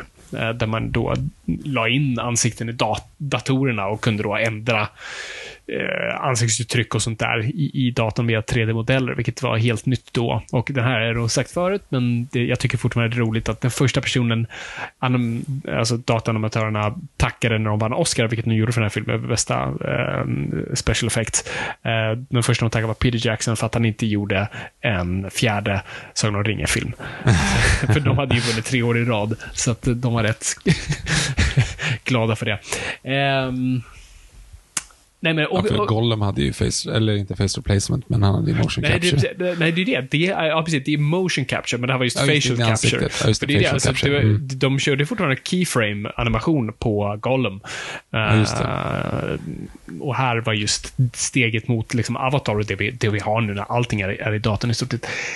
Um, Nej, men också bara, den scenen fick man tänka på också en sån här grej som man inte skulle göra idag, som är så Sam Raimi och är lite så konstigt och en modern film plötsligt skulle bara så här, men ta bort det där. Och det är just den scenen som, som leder till hustaket där vi ser en kvinna sitta vid skrivbordet. Det är nästan som någonting i uh, Roland Emmerichs Godzilla. Alltså hon sitter där och hon hör att uh, liksom, det bankar och så kommer en mm. arm igen och, hon skriker, och så springer hon mot kameran och skriker in i kameran. Vilket är så konstig detalj, men jag älskar just den där rough around the edges där man bara gör någon sån där udda konstig grej. Um, det, det, är så mycket jag gillar med och just hur den verkligen trycker på dualiteten med Spiderman, hur svårt det är att vara Spiderman. Också, det handlar hela tiden om, allting går ju fel för Peter Parker hela tiden. Mm. Alltså lite som vi pratade om med, lite som också jag tror jag nämnt med Catch Me If You Can, där du har hur du beskriver en karaktär rör sig i världen och hur det beskriver den karaktären. Du såg med Peter Parker. Det är alltid någonting som går snett för alltså, Ett exempel, det spelas lite för skämt med det är ju då, så här har vi nästa Bruce Campbell um, cameo, det är ju då uh, biljettsnubben kan väl säga. Till, uh, han kommer för sent. Ja, precis. Ja, precis. Och han har inte knutit skorna, han har inte rättat till slips alltså, och han kan fortfarande inte komma in. Alltså, all, alla de där grejerna, hela tiden. Alltså, när vi pratar om att han får väskor i ansiktet av Sam Raimi. Alltså, det är hela tiden någonting som, som ändå fortfarande inte riktigt liksom funkar. Det, det, liksom, den här killen har det tufft. Uh, och det visar vi hela tiden. Och sen så, ja, att han inte kan uh, skjuta webb längre då. Att han mm. inte kan få något tryck i, i systemet så att säga. Exakt. Uh, och, och det är också, det är en jättebra antagonist. Och här har du just den, den, inre konflikten versus den yttre konflikten som vi manusförfattare oftast pratar om. Eh, och som oftast ibland försvinner i superhjältefilmer, där du oftast har väldigt stora yttre hot som, som är väldigt då, då glöms den inre grejen bort. Eh, det gör det ju inte här. Och jag tror, jag tror vi skulle argumentera att då, 2004, när vi såg den, var så här, men det är för mycket inre grejer. Det är för mycket, mm. jag vill se han slås skiten ur. Um, men nu på äldre dagar, eller bara kanske ett halvår senare, från då, 2004, alltså, så, så är det ju verkligen det som känns mera och hela tiden trycker på det. Det finns en um, i, i oh, vad heter den filmen? Den är skriven av David Mamet med Paul Newman i huvudrollen. Uh, in, jag tänker inte Fugitive, vilket det absolut inte är. Men, uh, Cars. Nej, ja. uh, fan heter den? Uh, ja, det handlar om en advokat, advokat i alla fall. Uh, och Han är alkoholiserad och han tar på ett sånt där ett fall som absolut inte kommer funka. Man gör av the goodness of his heart. Och det man gör med den karaktären i den filmen, fan inte det kommer, poddminne, uh, är just att till exempel att hissen aldrig funkar där hans kontor är. Mm. Så han måste alltid ta trapporna. Alltså såna, och de lägger in sådana små saker hela tiden. Och, och, för den vanliga publiken, där är det ju betydligt mer subtilt. Här är det ganska in your face. Men, men när man gör sådana grejer så du automatiskt sätter publiken i, i karaktärens perspektiv. Och även om du inte tänker på det, så och på så vis blir topparna så mycket högre när du kommer ut victorious på andra sidan. Och, och det gör den här filmen ofantligt bra. Uh, och det är väldigt mycket ångest i mm. den. Ja, men det, det, är, det, det är en ganska feel bad film rakt igenom. Liksom. Och mm. Det enda man tänker är så här, ah, hade det här varit Shawshank Redemption så hade han bara berättat det nu. Alltså det är det enda jag sitter och tänker. ja, faktiskt. Uh, nej, men, nej, men det är så här, men vad säger det bara? Säg, berätta för Aunt May. Du är inte ond. Du är liksom inte mm. feg. Utan du, du, du gör det här för en anledning.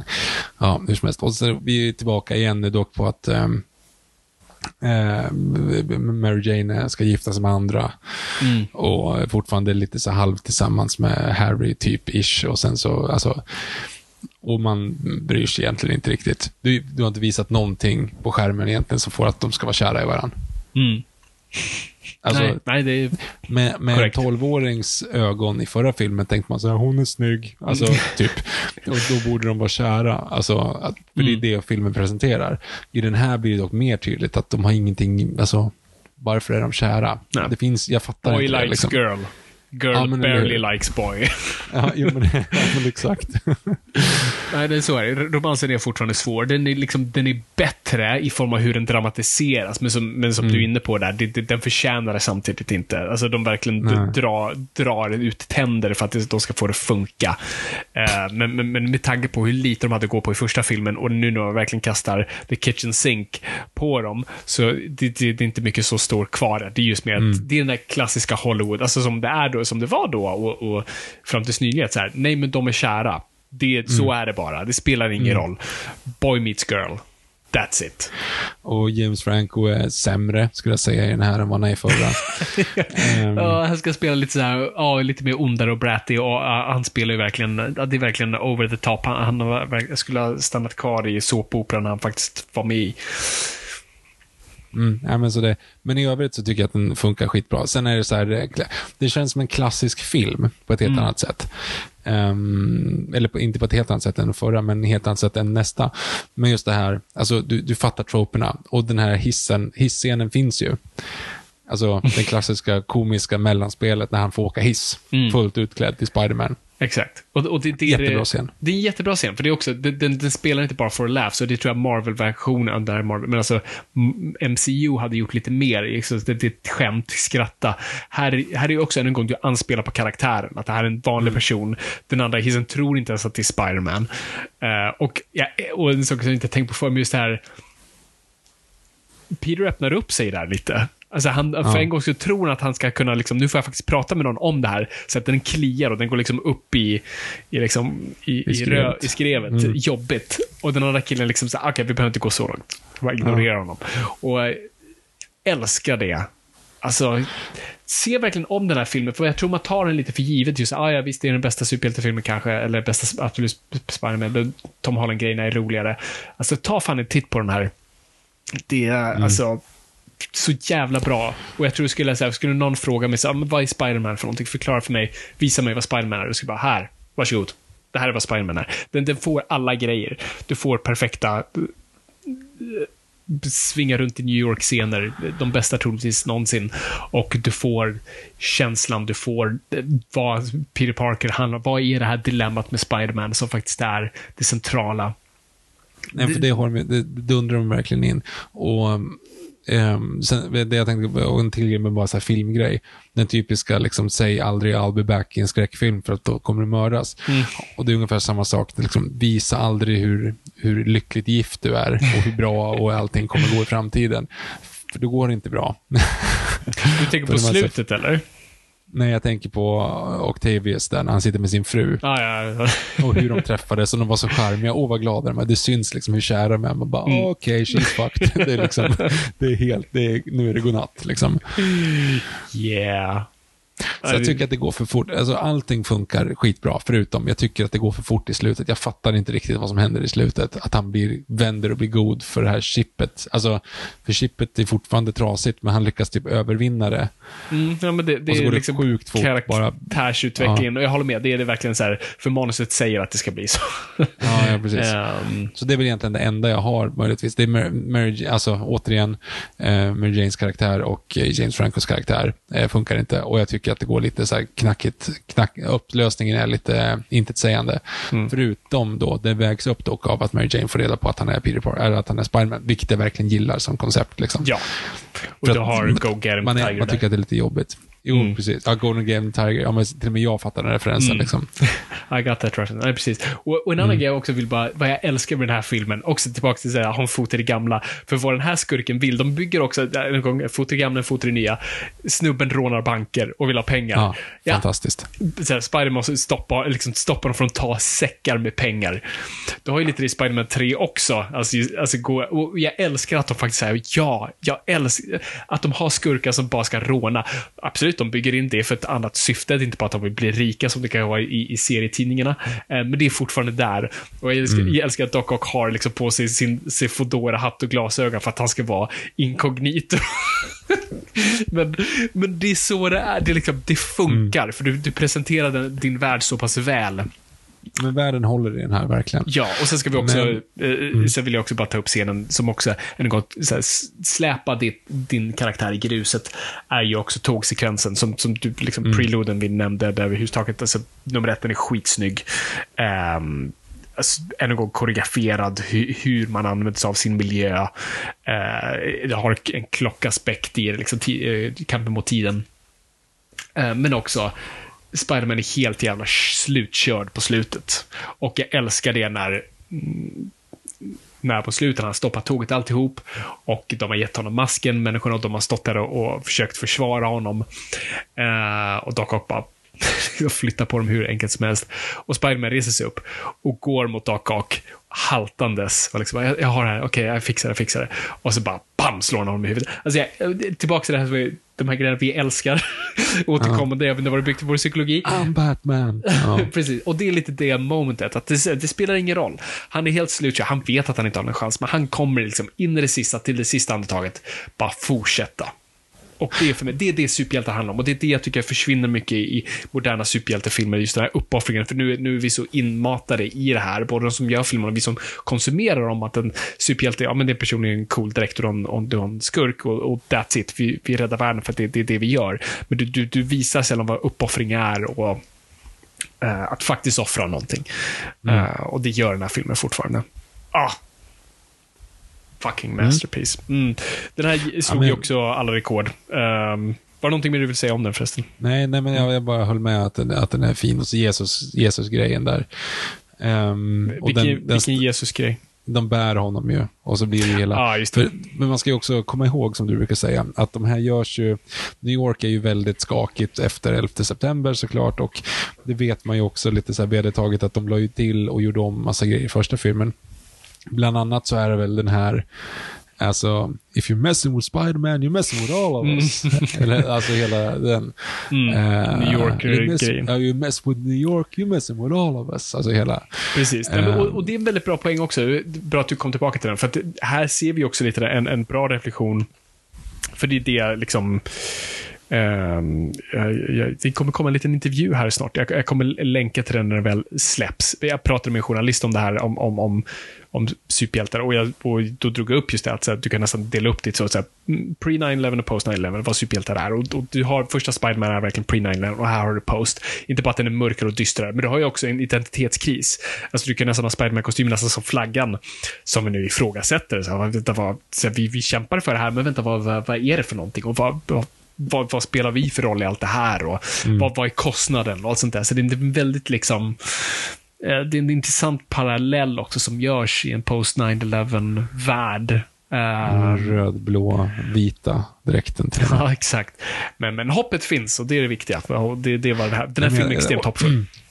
Och den filmen, eller den scenen jag tänkte på där, det är ju när de bär honom över och så lägger de ner honom. Mm. Och det är typ så här 50 personer som ser hans identitet. Men de bara säger we won't tell. Mm. Liksom. Det är lite samma grej där mot um, 9-11-grejen. Ja, men Mm. sen då? Den här gick Ja. ju bra. Det gick jättebra, slog också, kommer jag ihåg, eh, helgrekordet. Eh, en stor jävla succé.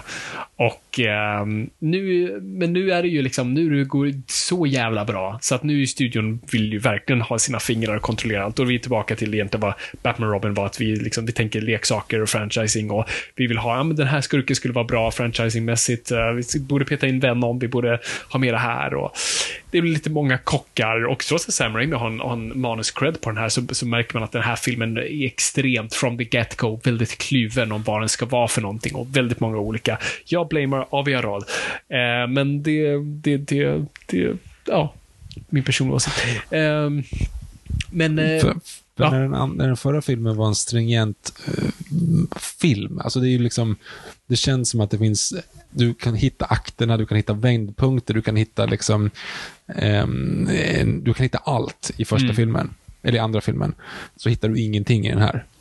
Nej, jag tror inte de visste om vad kunde gå efter det här. För att om man ska säga tvåan är väl deras liksom som Empire Strikes Back, det är det mörka. Så hur går vi liksom, då ska vi gå lite åt andra hållet. Eh, och så kastar man in Venom i det. Eh, och jag tror, he- jag tror där skon skaver. Eh, man märker att de inte riktigt vet vad de ska göra med den karaktären och vad den spelar för roll. Alltså Sam Raimi är uppenbart mer intresserad av Sandman, som också liksom läggs åt sidan. De känner ju också att ah, vi måste följa upp hela liksom, Hobgoblin, Green Goblin-grejen. Eh, så det måste vi kasta in. Och vi, folk gillade ju att det var liksom inte att det är så svårt för, för Spider-Man, så vi måste liksom ha med det också. Ja, men vet, man märker att de bara liksom inte riktigt vet vad de ska gå för. Jag förstår det också. Jag hade inte heller vetat, vad fan går man efter Spider-Man 2? Alltså, för han avslöjar sin identitet. Ja, men ja, visst, då kommer de utmaningarna såklart. Eh, men, men, och det, det, det jag tycker är så fascinerande med den här filmen är att på ett metaplan är filmen, liksom, så kommenterar filmen på filmen. För du har en film som är otrolig, alltså för här har, i den här filmen är Spiderman väldigt självsäker i starten. Han älskar av allt och alla, han hyllas, det hålls parader för honom.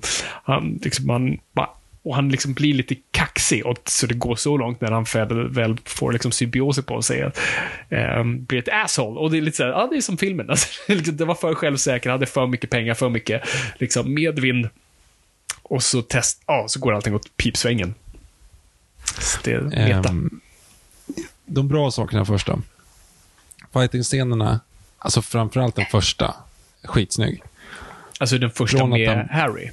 Ja, med Hobgoblin. Alltså när han blir plockad där på vespan. När de Mm. åker omkring och han skjuter de här liksom, bollarna där. Mm. Det är pissnyggt. Hela den sekvensen är pissnygg. Den är skitsnygg. Jag tycker det bara att den är lite too much. Alltså det blir Ja, liksom men, jo, men, jo, men, fysikens där, lagar och ja, men fram, tekniken var fram inte till riktigt så att de börjar åka emellan de här tunna gränderna. Mm. För då är det lite så här, oj vad green screen det här är nu. Eh, och hur styr man egentligen den där Mm. Ja. svävaren? Liksom. Men innan dess, alltså när de är uppe och flyger i luften och hela den innan, är det pissnyggt. Mm. Ehm, och sen så blir det ju typ tre origins eh, och, och det, det tycker jag är fusk. Alltså, it's like in the Queen musical we, when they named one character Faramusbandango eller vad han säger. as far as I'm concerned that's cheating.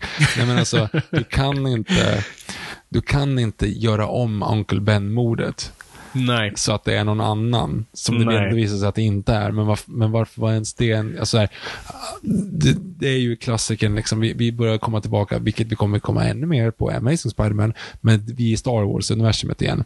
Man, alltså, Peter Parker har en relation till allt. Allt som händer. Alla skurkar har liksom han redan träffat. Doc Ock hade ju blivit skurken ändå. Mm. Ehm, men, och sen man skurken har blivit skurken ändå, men ändå ska det ändå finnas liksom en personlig koppling, vilket är helt onödigt, för han har inte med det att göra. Han har Nej. inte med det att göra hur de blir, utan av någon anledning så bara har råkat falla så att de har en, en, relation ändå, vilket är så här. Mm. Men i alla fall, och sen så är det bara den stora Flint Marco, visst, men för alla, vi alla går bara omkring och tänker på Lyle Van der Groot. Ehm, han, han kan inte vara någonting annat. Han är som Daniel Radcliffe. Han, han kommer för evigt vara liksom castad som Lyle Van der Groot. Jo, true, true. Nej, men det är så här, Mm. alltså, sådana här retcons är, är totalt värdelösa och framförallt liksom, du, du tar bort någonting som är så elemental i någonting bara för att göra någonting annat. Och, nej, det, det är totalt katastrofalt faktiskt, hur, hur man Mm. gör det på, på, på alla sätt och vis och riktigt klantigt. Ehm, ja, Men det, nej. är- alltså, det är liksom lazy writing, kom igen. Ja. Alltså, äh, Alltså, jag, kommer ihåg när jag såg den här på. Det här är typ min första så här. Är jag galen? Är det bara jag som ser det här? Vad gör vi här igen? Alltså, det, för, så den här kom 2007, vad jag minns. Så då började det post Pink Floyd och Stanley Kubrick. Så, lite, så det, visst, det, filmskaparmässigt, det stängde jag av. Nu är jag ändå också fullt inne i serietidningar. Så att jag ändå att stänga av den biten av hjärnan. Men, men, men jag kommer verkligen ihåg bara, vad, vad är? Vad, vad håller vi på med? Jag, jag vill älska det. Alltså jag, var- jag var ju fortfarande stort Venom-fan, så jag ville ju liksom, jag var glad att Venom var där och jag, det var ju det jag var mest taggad på, så jag hade ju uppenbart liksom varit på studions sida. Eh, sen, men brydde mig inte så mycket om. Men, men sen när jag såg hur de gjorde det och vi sa, ja, det är typ som det var, men samtidigt inte alls, inte så, det- okej. Um, och det är så konstiga val som man bara, vänta, vad, vad är det som händer? Alltså redan då tänkte jag så. Och nu när jag ser den, så visst man har väl lite liksom, alltså nu kan jag titta på det på ett annorlunda sätt för nu har vi så mycket andra grejer och så mycket andra Spiderman-filmer. Men, men, men nu ser jag det mest bara som, alltså det är en extremt tråkig film. Ja. Det är mest det jag slås av. Hur otroligt uttråkad jag var när jag såg den nu.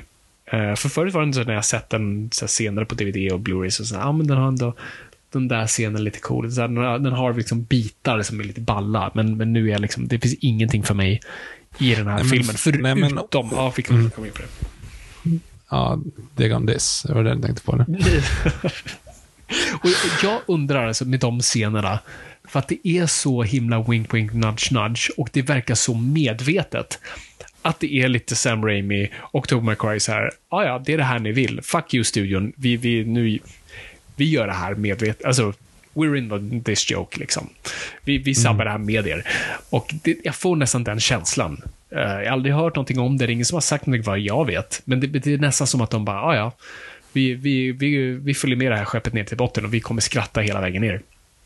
Det är känslan jag får. Men, eh, nej, men den scenen som bara poppar ut i mitt, som är fortfarande så här, också en av de typ så här bästa scenerna i en superhjältefilm, är ju Sandmans skapelse, så att säga. Hela den scenen. Mm.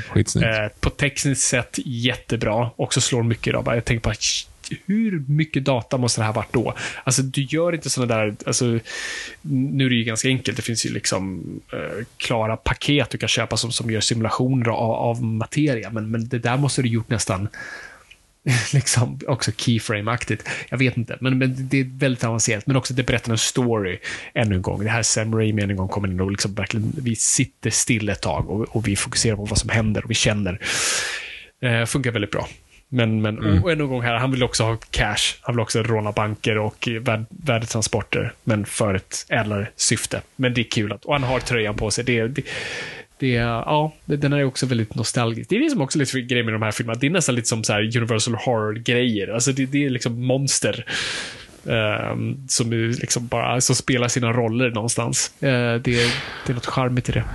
Ja, och sen så kommer man in då i, i eh, grejen att de har ju bara så här, hur ska vi bolla de här? Jo, men vi tar bort dem på lite olika sätt. Eh, Harry får en smäll mot huvudet så att han glömmer bort vem han är.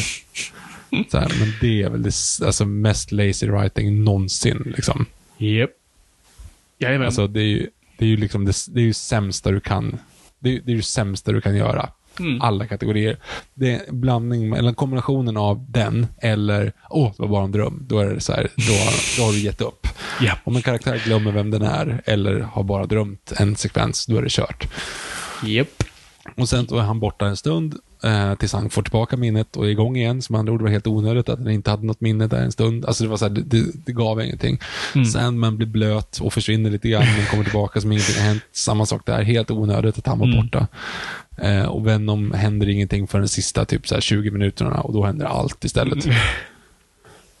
Japp. Allt händer verkligen. Nej, det, är- jag, jag har inte, alltså det är så här, Nej, det, fi- det är det. Det finns jag inte så mycket att säga. om den här för att den är ganska tråkig. Som Ja, sagt, men det är det, det, det är det största brottet den begår faktiskt, att den är extremt jävla tråkig. Eh, Mm. Och eh, ja, nej, jag, ty jag tycker vi går vidare. Bruce här- Campbell är servitör. Just det. Och det, det kommer jag också ihåg, för jag var ju också taggad nu när jag såg den här, så här vad kommer Bruce Campbell spela? Och här, han fick för mycket utrymme och han gör Mm. Ja. liksom nästan en John Cleesig fransk accent. Um, det, alltså det är ju fortfarande kul, men det är en helt annan film. jag tycker han ja, gör det men är en bra. annan film. Ja, det är han ju. Eh, Jo, jag, fattar inte heller vad, Mary Jane blir då ledsen så går, åker hon hem till Harry då och sen så har ju ett klipp när de står och dansar i köket, du vet. Och lagar mat. Jag vet, det, är liksom det mest cringe. Det kommer jag ihåg när jag såg det på bio också. Bara dog lite inombords. Uh, Ja. Tyckte det var jättecringeigt. Och gör det även idag. Jag vill bara tillbaka Ja. på Bruce Campbell. En grej jag dock fortfarande gör varje gång, om det är min, min frus vigselring eller bara kommer när man håller en ring med en sten så gillar man så här, Hello? så, eh, som han gör när han inte riktigt ser. Det tycker jag bara kul. Det var inget. Anekdot. Vi fortsätter. Sen blir det Spider-Man 4. Nej, det blev ju inte riktigt det. va? Tobey Maguire och ehm, eh, Kirsten Dunst skriver på jättedeal för att få göra en Spider-Man 4 och det ska vara Mm. tre skurkar igen och Sam Raimi är tillbaka och Nej, de drar pluggen på det. Mm. det för, kostar för mycket pengar. De känner bara, nej, men det, här, liksom, det är säkert mer bakom det, men, men det, var liksom, det hade ballongat upp för mycket. Alltså, det är Roms sista dagar. Och eh, jag tror de bara kände att det, det, och särskilt det här var också, nu började vi komma till gritty reboots och allt sånt där och jag tror Sony kände på så här, men varför bara inte gå ner lite i budget, ta lite nya fräscha ansikten och reviva det och liksom kan bygga en ny trilogi istället men vi bygger en Batman Begins. Man gör en Batman Begins och då är vi tillbaka där. Liksom. Rakt av i stort sett och bara Ja. kastar ut allt. Alltså förstå hur mycket pengar de måste ha förlorat.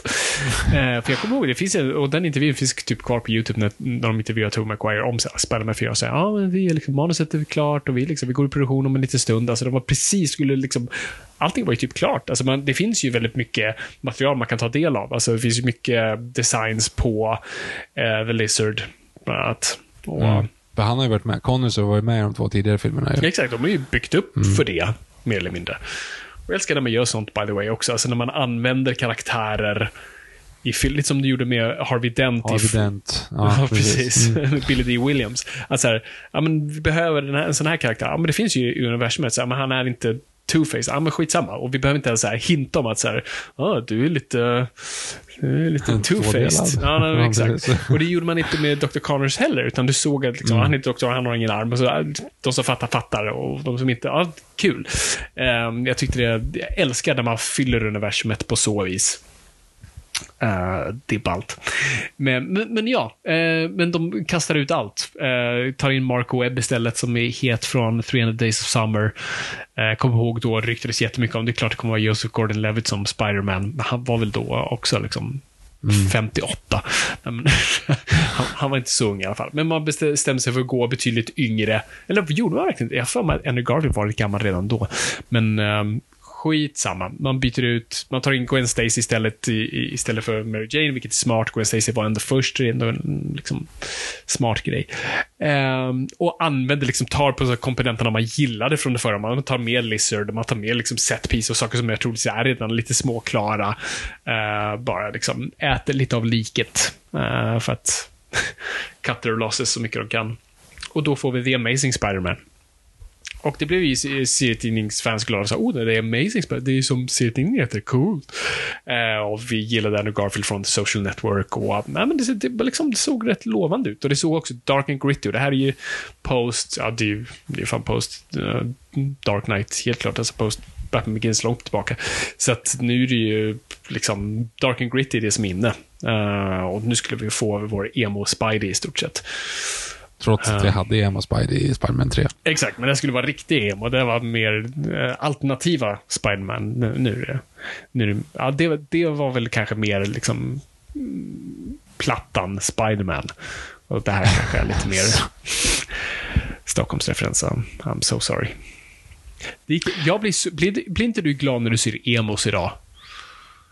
Eller ser någon i en. Metallica-tröja. Man blir lite så här, okej, skönt att det där, det är liksom, den där arten ska finnas kvar. Okej. Ja, Jag tror- har inte men riktigt- jag tänkte att det var en jag generationsgrej. Jag är inte säker på att jag har sett någon heller. Väldigt, väldigt länge. Nej, men det är inte många av dem kvar. Det är en utrot- utrotningshotad art, men, men de finns. Och man Jag gick blir, blir... Punk Shop idag, by the way. Det var lite Oh. omvälvande. Mm. finns den kvar? Ja. Ja. Där var jag tvungen att köpa ut en Zippo-tändare åt Molgan. Eh, vi var lika gamla, alltså jag var ju typ och det är så roligt så här, för det, det stället var så jävla shady. Alltså Punkt för det som inte vet, ett ställe i Stockholm som typ sålde ja, Metallica ACDC-tröjor och typ så här, ja, men, eh, Switchblade-knivar och tändare. Så Det var väldigt så här cool. Alltså dödskalle-tröj. Ni, ni fattar stället.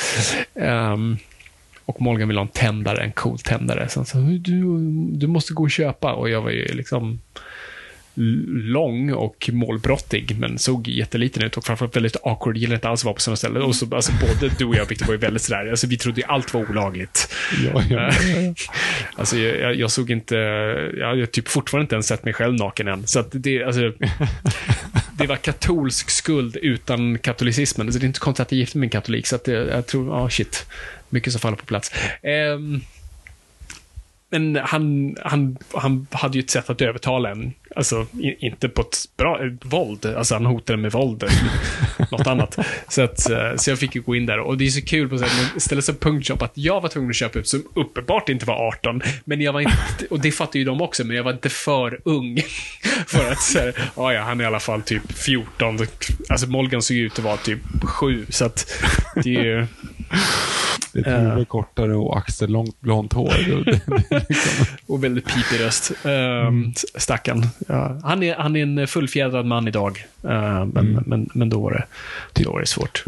Uh, ja, okay. jag, eh, jag drar den här anekdoten bara för att det, det är bara Noipod kvar, men jag gillar den. Uh, för att, och jag har hört den här från er, uh, eller från dig Viktor. för jag gick i er klass och sen slutade jag hoppa till en annan skola. Och ni, ni gillar att puckla på varandra och så stod ni och pucklade på Molgan i en skolkorridor, liksom ironiskt som han gjorde. han var med på det här, tro mig. Uh, nu låter det som att, skitsamma. Ni stod och pucklade på honom och en lärare kom förbi och skrek låt henne vara. det tycker jag fortfarande är bland det roligaste. Det var väldigt jobbigt för honom. In, alltså, in, in, inte att alla stod och pucklade på honom, utan att en lärare som trodde att han var en tjej. Um, ja, det var jobbigt för hans självbild. För han, han, då, det, var ju, det var ju precis innan han skulle börja träna MMA, men det, det var ändå ganska roligt faktiskt. Ja. Det var kul. Ja. Ja, ja. Eh, skitsamma. Eh, The Amazing Spider-Man. Viktor, vad, vad tycker vi om den här filmen? Så här, jag gillar verkligen Andrew Garfield i den här filmen. Han gör, han gör någonting med det som är väldigt, jag tycker att han är väldigt bra i den. Jag gillar kemin mellan Emma Stone och honom. Um, det jag inte gillar tror jag beror på att jag har sett det här förr. Och det var som jag sa tidigare, det kändes som att de satt och kollade på DVDn på första Spiderman. Och så sa just det, nu sen ska vi göra det här, fast hur ska vi få till en liten twist? Inga jämförelser i övrigt, men du vet när man skrev hemarbeten i mellanstadiet, ja. eller högstadiet, och då kopierade du in en text där det liksom så här, ja, det forna Egypten, eller så här, Rom grundades på sju kullar. Så bara, hmm, på sju kullar grundades Rom. alltså, nästan. Liksom. Yep. Den, uh, Alla ja, varit där. Och det, ja, men vet den. Det känns som att så här, de har kollat på den och sen bara vänt på orden lite grann för att få det att liksom låta som att man skrivit det själv. Mm. Det är exakt samma grej här. Han säger inte “With great power comes great responsibility”, men han säger typ så här, “With responsibility comes great power”. Oh, remember that responsibility is uh, something you can have if you have power. Sometimes great power. Alltså, vet, så här, det är ju liksom Mm. Det är samma skit. Och jag sitter ju bara och väntar. Det tar ju 53 minuter innan han är Spiderman. Första det, gången. Och det är en ganska rolig grej. För med tanke på när vi sa nu, så här, gud vad det går så jävla snabbt i första filmen. Mm. Jag kommer att jag var upprörd hur snabbt det gick i den här filmen. Inte just där tills att han blev Spiderman, men jag kommer ihåg att, att han började få krafterna på väg hem från att han blev biten. Mm. Tyckte jag var såhär, nej, det här är inte okej. Okay. ja, nej, men det var, det var i alla fall eh, men fram tills det, typ, fram tills han är Spiderman, då, då är det typ, jag har sett det här förr och det är, ganska, det är ganska tråkigt att se det igen med bara mm. en ny tappning, nya skådisar liksom. Um, sen så måste jag också säga att CG Monster-grejen där med The Lizard, inte speciellt engagerad. Hela, um, det är väl Diego i Ice Age va, som är farsan. Um, nej men alltså så här, jag, är inte speciellt engagerad efteråt och den här jävla skitgrejen med att det ska vara något, han ska omvandla alla till ödlor för att det är en bättre art. Bara, nej, nej, nu får ni ge er liksom. Mm, det, det är jag, jag jättekonstig plott. Jag köper inte för fem öre och så hur man liksom hur tydligt det är, så här, det är grön rök och det så här, mm. men, ni, ni spelar, sista akten spelas för barn, medan resten av filmen är ganska mörk. Alltså mm, blodet absolut. på Onkel Ben till exempel är ganska obehagligt, verkligt liksom. Ja. När, han, när, han, har händerna på hans bröst där och man ser bara så shit, han verkligen blöder på riktigt och de har typ fått till färgen, vilket vi inte brukar göra i sådana här filmer. Um, och sen så stör jag mig på att det, det är liksom Mumien-känslan. Det var så här, franchise, franchise, franchise. De var bara mystery boxes. Det handlar liksom om så här, ja men Peter Parkers föräldrar typ gjorde spindlarna. Man, vad fan, vi, alla behöver inte vara släkt, alla behöver inte känna varandra. Och du får aldrig reda på någonting för att det ska vara i nästa film. Liksom. Exakt. Nej, precis. För det var ju det som den här filmen typ såldes lite så här. Ni ska få veta vad som egentligen hände med Peter Parkers föräldrar. Och sen bara, cliffhanger till nästa film. Nej, nej, exakt. Alltså, nej, jag, jag är inte så förtjust i den här alls faktiskt. Jag vet att folk har verkligen liksom, de som vuxit upp med de här filmerna, så jag tror att de känner lite som vi känner med Sam Raimi-filmen antar jag. Men eh, nej, jag tyckte inte om den här från starten. Jag tycker liksom inte, inte att Andrew Garfield är en dålig skådis. Han är väldigt talangfull skådis. Jag tycker bara hur Peter Parker snarare är porträtterad här. Och att jag får nästan lite Johnny Depp, Pirates of Caribbean-känsla. Det är en det är skådespelare som inte är regisserad. Alltså han får han gör konstiga val ibland och han, han är ju liksom cool och emo och det, det här är inte liksom min, det här är ju en het jävla snubbe. Han åker skateboard, han är ju charmig och han är ju inte särskilt awkward, mer att folk på säger åt honom att han är awkward eller liksom mobbar honom. Liksom. Alltså, men han beter sig inte som jag, det. jag är också 90-talskodad. Liksom. Alltså en skateboard ger en Pavlovsk reaktion till att, ja, Du är cool. Vad heter Max? Eller Robin? Heja på AIK. och håller på AIK. Ja, precis. Nej, men, så det funkar inte riktigt för mig. Nej, nej, det funkar inte heller. Utan jag håller med. Det enda filmen har, det är det alla tjatar ah, Kemin mellan, mellan dem är jättebra. Mm. Betydligt bättre än den förra filmen. Och liksom det finns, och, och jag, jag tycker liksom Emma Stone har någonting att jobba med. Ehm, inte jättemycket, men mer. Ehm, och Ja, det är typ det. Men sen håller jag med. Det, det, det, sen har, det är nästan, jag tror i Sam Raimi-universumet hade det funkat med att The Lizard skulle vilja att alla skulle vara ödlor. Alltså jag tror i, i den, Mm. undrar om det var plotten och bara, ah, vi tar den rakt av. Eller om Mm. det var, för det, det är lite kul att liksom också i Batman Begins så handlar det också om en gas som släpps ut och det, men det finns en koppling där som är lite så här, hmm. Ehm, Jag gillar Mm. inte dräkten, jag tycker de går för långt att försöka för, hitta en rationell förklaring till dräkten och jag tycker inte det funkar. Um, de säger, ah, men han använde glasögon från typ någon jag vet inte, isrinkssport. Mm. Så, ja, men, men han har ändå fått sytt den där direkt. Alltså, det, du förklarar ju inte den grejen. Och bara, Nej, men han är ju någon jävla geni som kan fixa den här tråden och, ja. och hela ja, det, och, och det är ju någonting de gör här, för det var ju någonting de verkligen gjorde i Sam Raimi-filmen. Så bara, ah, skitsamma, han, han har det inom sig. Han, han spinner tråden själv. Och här, det gör han ju inte i serietidningen, utan han gör ju, har ju webbshooters och det gjorde de här. Så det finns ju vissa detaljer som är lite så här, ah, det, det gjorde ni bra. Mm. Men, men jag tycker också här, jag tycker det här är en tråkig film. Jag tycker plotten är inte särskilt bra. Jag tycker att den inte säger så mycket om Spider-Man i sig. Alltså hela dilemmat med Spider-Man Nej, mm, de, de absolut hintas om det och det finns någonting i det, men det, mm, nej. Ehm, Vi går, vi går på nästa, för den är, eller jag säger så här, mest för att jag inte har någonting speciellt mycket att säga om någon av de här två filmerna, Mm. tyvärr. Eh, men det förlängs ju i nästa film. För nu börjar man ju liksom, nu ska det ju vara den här verkligen mörka delen med tanke på hur den slutar. Jag vet inte, spoilers by the way. Ja, eh, den här filmen är ju alltså, den absolut värsta i högen skulle jag säga. Jag tar Spiderman 3 alla dagar i veckan framför den här. Och, också lite så här, vad har inte sagts redan om den här filmen? Och jag vet, jag, jag kollade på någon video som försvarade den här eh, filmen och han försökte dra rationella argument, men jag hörde bara så här, nej men du, vux, du växte upp med den här filmen. Alltså, och det, och det så här, säg det istället, för det, det, det, det är ett bra argument och det är, det är ett okej argument. Att du, du känner känslosamt positivt för någonting. Och man ska inte argumentera för liksom, vad folk känner om saker är bra eller dåligt. Så det, det, det ska, behöver vi inte diskutera här. Jag, jag tycker bara objektivt att det är en dålig film. Eh, och att det här är också studion ännu en gång som ska peta. Och eh, jag tycker ett väldigt bra omen för den här filmen var, de gjorde någon, för de byggde typ upp ett helt Times Square from scratch. De var inte på riktiga Times Square, utan de byggde upp sin egna på ambitiös det. Och de gjorde någon stor grej kring det och det hade Andrew Garfield som stod där i Spiderman-kostymen. Och kvinnan som är där och rapporterade, det är uppenbarligen någonting fel i kommunikationen, så hon, när de står där och pratar, så gör hon en så här, ah, Spiderman säger mig, och hon svimmar. Och Andrew Garfield ser inte det. Han har den där masken på, så hon bara trillar och han fångar i precis fel sekund. Hon trillar och typ slår sig och det är jätteroligt. Och det är så här, det är för mig lite vad den här filmen är. Ingen har riktigt koll på läget. Och det, det är allting bara gått åt skogen. Nej, men det, det, de vill, även här, liksom två helt olika saker som de försöker petera. Det har ett väldigt mörkt slut eh, och väldigt dystert och de försöker då flirta med oss serietidningsfans. Där är ju också Post Avengers, så nu är det liksom också hett att vara lite serietidningsmedveten. Ehm, men också vi måste bygga ett universum. Så det är dels det, du ska bygga universumet. Du vill delvis såhär, ja, ja men fan, han får ha sin vanliga coola kostym på sig för att folk gillar inte den förra. Så här, man, han, han har bara på sig den nu. Ehm, och du har väldigt tecknade skurkar i starten. Uh, Och sen går det på Osborn så blir det liksom lite too much.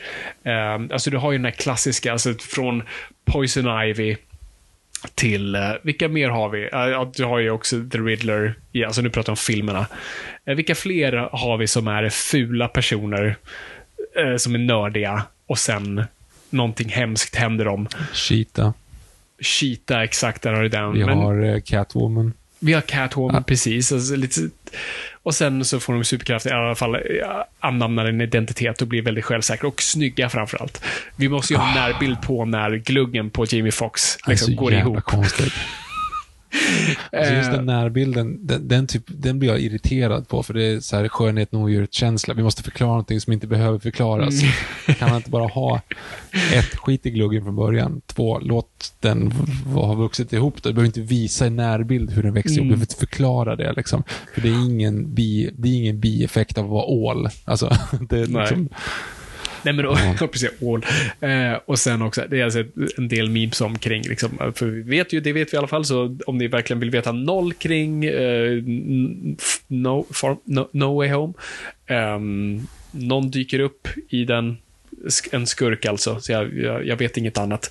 Hur som helst, så Jamie Foxx dyker upp i, vet vi, i No, no Way Home. Eh, och det har sett mycket memes kring det, så här, liksom, så här, I'm gonna get you for not remembering my birthday Spiderman. Alltså, det, är liksom, det är det han är där för. så jävla för det är det dålig hans eh, motivation. liksom, Ja. origin är. Att liksom, Spiderman kommer inte ihåg hans födelsedag. Eh, det, det är Nej, men jätteroligt. jag- nej, det, det man kanske ska ge då, det vet inte vad du, för det är väl mer troget liksom både serier och, och serier på tv, att han är lite mer whippy. Alltså han är ju lite rolig som Spiderman. Ja, Spiderman, ja. ja. precis. Alltså, Ja. det gjorde de ändå med Andrew Garfield. Alltså, det, det glömmer man Men nog det var det bort jag menar lite. med Andrew Mm. Garfield, ja. Men inte Nej, förlåt. Tobey Maguire. jo, Tobey Maguire. Det fanns lite, inte lika mycket. Här tycker jag de går för mycket. Never call me det är late for nästan- dinner, you know what I mean. Alltså det är så här... uh, Ja men, ja, men det är nästan lite eh, Deadpool-varning på den. Ja, det är Deadpool-varning. Och Deadpool är ju Mm. en förlängning av det där. eh, Och hela liksom... Det kommer jag ju fortfarande ihåg. Alltså det är så... Det är så det är så talande för de här karaktärerna. Vad Spiderman gjorde var att Deadpool tog ett steg längre när du och jag var på Comic Con. eh, och, och vi, vi spelade in en pilot. Eh, och vi intervjuade en Deadpool och du frågade liksom, ah, men vad, vad är det du gillar med Deadpool? Och, och han sa så här, ah, men jag är, jag är liksom, jag kan knappt titta människor i ögonen. Jag är jätteawkward. Jag är liksom, jag har en väldigt dålig självbild. Jag, jag, liksom, jag mår piss. Men när jag har på mig den här masken, då kan jag gå runt och liksom, då kan jag vara den här karaktären och då kan jag ta ut svängarna och vara någonting helt annat. Vilket han gjorde, liksom gick och nöp folk i rumpan och grejer. Alltså, oetiskt. Men, men du vet, han var, han var en helt annan person där under masken och, och, och så här, gud vad det är verkligen, wow. Det verkligen funkar och jag, där bara fick man verkligen svar på tal vad de här karaktärerna gör. Men här drar ju de det till sin spets med Spiderman. Jag tycker inte det är bra skrivet. Jag tycker snarare liksom i, i uh, Tobey Maguire så är det mer, han, han har bra one-liners lite här och var. Visst, de kunde ha tryckt på det mer, men, men här verkligen försöker de stenhårt köra på att han är jätterolig. Men återigen, Andrew Garfield och Emma Stone gör ett bra jobb, men inte så många av de andra. Nej, Paul Giamatti är också i någon helt, annan, helt annat universum. Eh, och än en gång, alltså tillbaka till, alltså, jag tror Mark Webb är säkert en jättebra regissör. Alltså jag gillar Five Days of Ja, Summer. Men, musikvideos. ja, men han kan uppenbart inte regissera skådisar. Alltså för det, alla går, gör helt olika saker. Ingen är i samma film. Alla bara drar det till elva hela tiden. Och alltså när du först träffar Rhino där, alltså det, han bara skriker. Alltså man blir helt sådär bara, vad är, vad är vi någonstans? Vad håller vi på med? Och den som försöker argumentera att barnfilm, tänk på hur slutet slutar. Så att släpp Mm. det bara. Ja, men exakt. Och hela transformationen med Green Goblin eller Hobgoblin, vilken de, de väljer att gå på. Mm. Eh, ja, men, och än en gång här också. Det här är ju lite samma problem som du nämnde. De två är bästa vänner för att de säger att de har varit bästa vänner. Ja, exakt. Uh, men vi ser inte så mycket till kemi där heller. Och hela det vendettat. Nej, men det är lite som, eh, som det var med Spiderman 3. Alltså, det finns inte så mycket mer att säga med den, för den är extremt tråkig. På tok för lång. Det är eh, för mycket hybris. Eh, för mycket studier som många som ska peta. Vi ska, vi ska bygga upp en, liksom, vi ska ha vår film nummer två här, vi ska bygga upp för nummer tre och vi ska framförallt bygga upp för stora Sinister Six-franchisen och vi ska göra, ja, men vi gör allt. Och en gång, Vet vi fortfarande vad, vad som har hänt med, med Nope. Spidermans föräldrar? Nej. Och här trycker de ju då ännu mer på, som också är lite så här tillbaka till när man rubbar på kärnan, poängen med Spiderman, alla kan vara Spiderman. Här är det ju lite Jesus-grejen, att så här, hade det bara han som kunde blivit Spiderman. Nej, men det, det, jag vet, och det var det jag försökte, alltså, eller jag vet inte om jag har sagt det, jag glömde bort. Nej, men alltså, hela den grejen att alla ska känna varandra, Star Wars-universumet. Alltså, det ska finnas en koppling till, till Spiderman, men nu är det ju draget till 11, just med den grejen då, att det är liksom genetiskt kodat. ja. Och bara, nej, nej. Nej. Nej, men då tar det ju bort liksom. Det är det som är poängen med här, Vem som helst hade kunnat bli biten av den spindeln. Nu råkar det vara Peter Parker och han kanske inte var mest, bäst lämpad rent mm, äh, prioriteringsmässigt. Ah, Han är en god kille, det är lite superman Han har bara tur att han var lite uppfostrad, rätt person, hade rätt värderingar. Tack gode jävla gud. With men great tack power comes great Ben, responsibility. typ. Ja, jo, men Ja. exakt. Eh, men han har fortfarande inte infrastrukturen runt omkring sig för att kunna vara den hjälten. Och det är det som gör det eh, så fint. Men Ehm, så han hittar en, ett mynt, eller en token i farsans miniräknare som han hittar en övergiven station som man lägger ner myntet i och då kommer en tågvagn upp och farsan säger hej Peter, som- precis som att det var helt självklart att han skulle knäcka den koden. Liksom.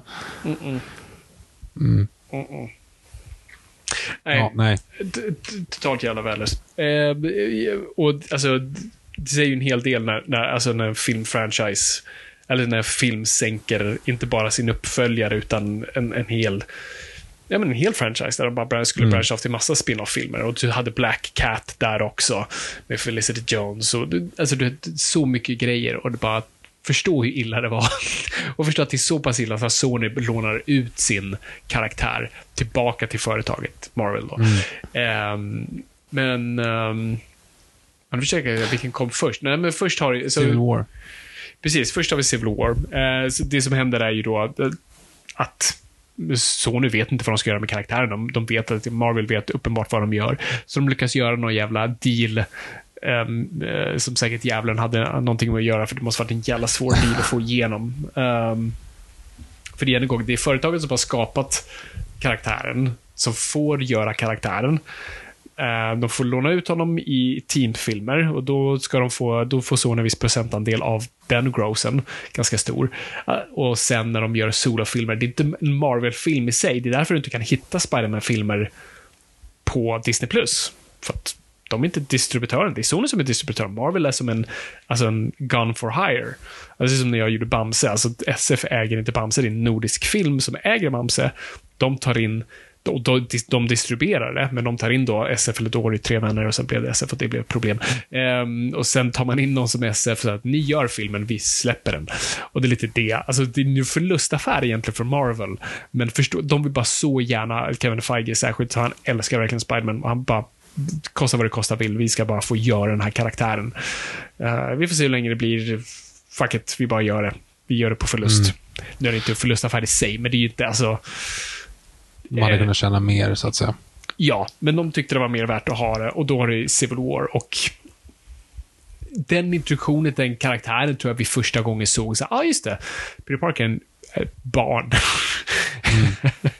um, och jag tror, vi- alltså på ett sätt var det en väldigt, väldigt ren rendering av den karaktären på ett sätt som, just bara ikonografin, hur, hur, liksom, hur han ser ut, ser väldigt eh, Steve Ditko-aktig ut, jag älskar verkligen den kostymen. Uh, quippy på rätt sätt, men fortfarande ett barn. Det satte många komponenter i den lilla delen av den filmen han är med i. Uh, och det ledde oss in då sen i Homecoming. Homecoming, precis. Eh, Jag gillar den jättemycket, ska jag bara säga. Mm.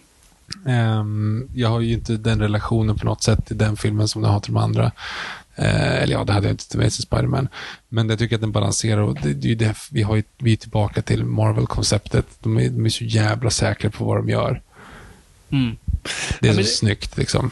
Ja, alltså jag är ju delad av den här filmen. Jag tror vi recenserade den när den kom i podden, eller vi har i alla fall pratat om den. Och, och jag är lite den här grejen av att Marvel var stolt över att ha tillbaka Spider-Man. Alltså de döper för inte Homecoming. Alltså det är så tydligt för dem vad det, vad det står för.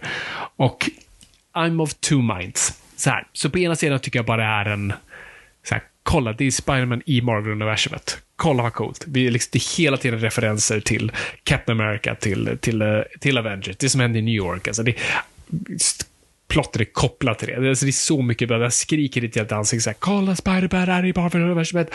Han är i MCU. Kolla vad coolt. Ah, vi har till och med Iron Man med i den här filmen. Och det förstår jag, vilken studiochef som helst hade bara så här. herregud, det här är det här är den bästa idén sen skivat bröd att ha Spiderman och Iron Man i en och samma film. Det kommer kännas så jävla mycket.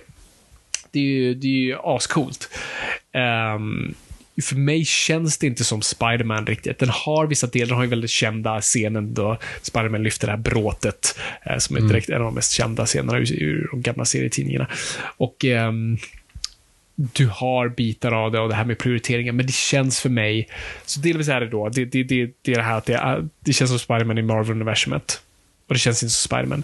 Nummer två är det, hmm, men det här kanske inte är för mig på ett positivt sätt. Det här kanske är ett sätt att återintroducera Spiderman, inte som en, ur en 50-talsmodell, guy likes girl, jocks och nerds, utan vi försöker nu liksom, hur kontextualisera, och det bästa exemplet är Mary Jane. Hon heter inte Mary Jane, hon ser inte ut som Mary Jane, uh, hon beter sig inte som Mary Jane, men, eller gör hon det, fast i en modern kontext? Hur ser en kaxig ung tjej ut idag? Uh, kanske inte som man gjorde då, uh, på 50-talet, utan hur ser det ut idag? Så hon liksom mm. har en rendering av vad Mary Jane är.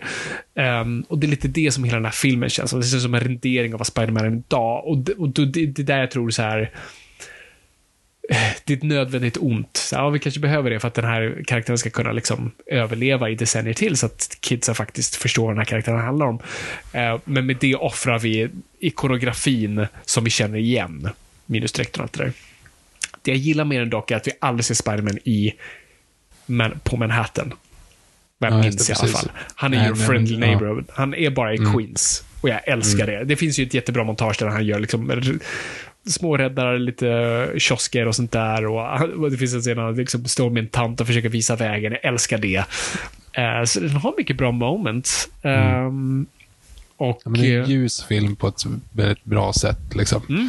Och så tycker jag att det är ändå ganska snyggt hur de viker ihop det här med Vulture, det här att man handlar med gamla vapen, mm. utomjordiska vapen. Alltså det, fin det finns en koppling till MCU, det, det funkar liksom.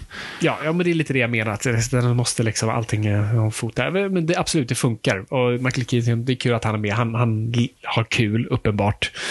Eh, de får den, alltså Vulture att funka i den här kontexten, både i en mm. modern och i en MCU. Är det den bästa skurken någonsin? Nej.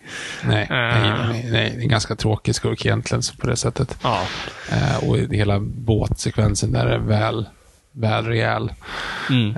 Um, men, men så här, alltså jag tycker okay, det är egentligen det som är mer jag, jag, vet inte riktigt vad jag, vad jag vill sätta fingret på, men det som egentligen säger mer är ju nästa film. Mm. För då börjar man verkligen binda ihop det på ett sätt som är så här, okej, okay, nu får vi reella konsekvenser för det här.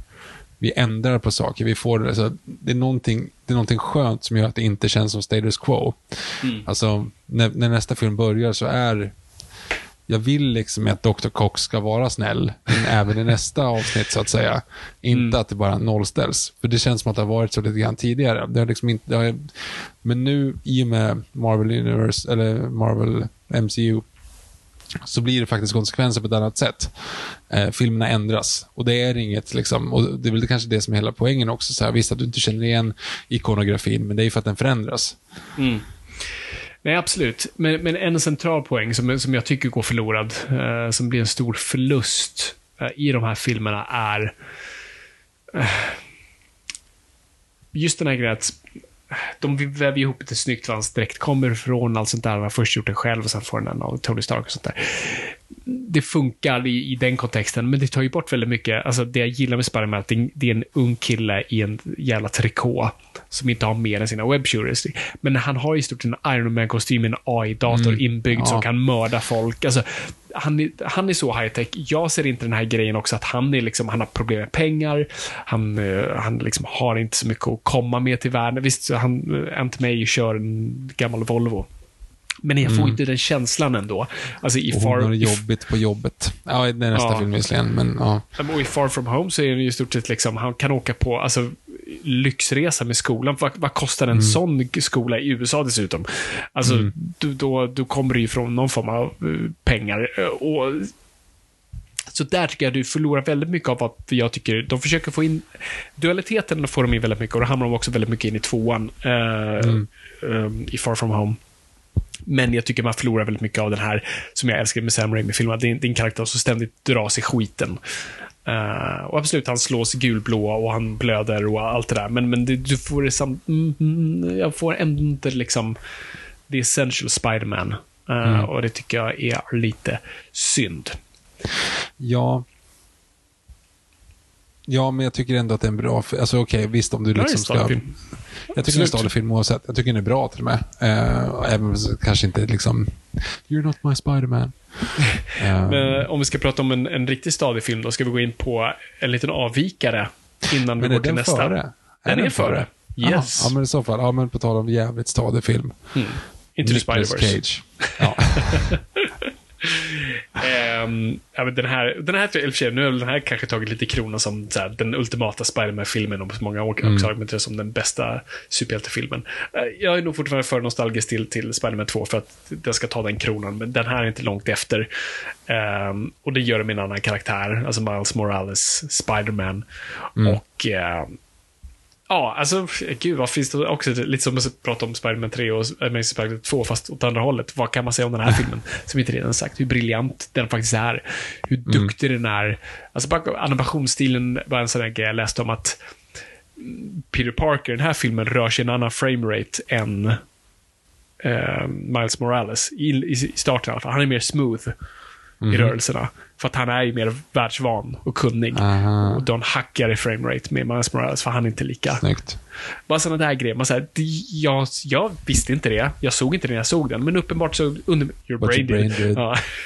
Ehm, och jag älskar sånt. Ehm, och den berättar, och den, det, är- en film som bär sitt hjärta eh, på sin arm och ja, har verkligen också en ganska absurd story som är väldigt sådär för folk som inte läser serietidningar. Att ta in multiversumet i det och ta in andra koncept, andra Spidermans eh, som då kommer från serietidningarna.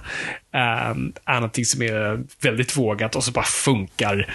Eh, den tecknade stilen är väldigt abstrakt och jag gillar hur verkligen den kunde ha varit en polerad, snygg, Pixar-esk produktion, men när inte den vågar liksom ta ut svängarna där och, och just känna sig väldigt serietidningsaktig. Um, Jag skulle också säga att... eh, mm. Nej, fortsätt. Nej, men jag vill bara säga, och den verkligen, den, den, den fångar vad Spiderman är. Eh, på ett sätt som många av de andra filmerna kanske, eh, verkligen kanske inte lyckades. Och det är det jag verkligen gillar. Den, kärn, den har kärnan och hjärtat. Någonstans, någonstans vill jag ändå typ säga mot dig där att jag att ändå säger, ja men det här är nog för mig nu efter att ha sett om Spiderman 2 också, trots att den har sina grejer. Liksom, så, nej, men den här är typ den bästa Spiderman-filmen jag har sett i alla fall. Ehm, och jag tror att en av de absolut mest imponerande grejerna i hela filmen, och jag är seriös när jag säger det, det är hur man använder Spider-Pig. Alltså så här, för att Spider-Ham, Spider-Ham, 10 sekunder mindre screen time och du hade blivit besviken. 10 sekunder mer screen time och du hade blivit besviken. Han är perfekt använd, rakt igenom. Ja, verkligen. Jättebra över det här John Mulaney just att också. han, och just att han finns med bara. Det är liksom, att du vågar, ett att du vågar och sen så hur man används. Jag tycker att det är väldigt Mm. Det bra. vill liksom gå tillbaka till den gamla så här, Warner Brothers-eska tecknade Mm. eh, aspekten. Så, Ja, eh, jättesmart. Alltså, det är så klipskt. Allt, allt är så jävla smart bara. Bra ihopsatt. Fan, nej, jag undrar vad mer man kan, kan säga om den än en gång. Den är, den är, den är väldigt briljant bara.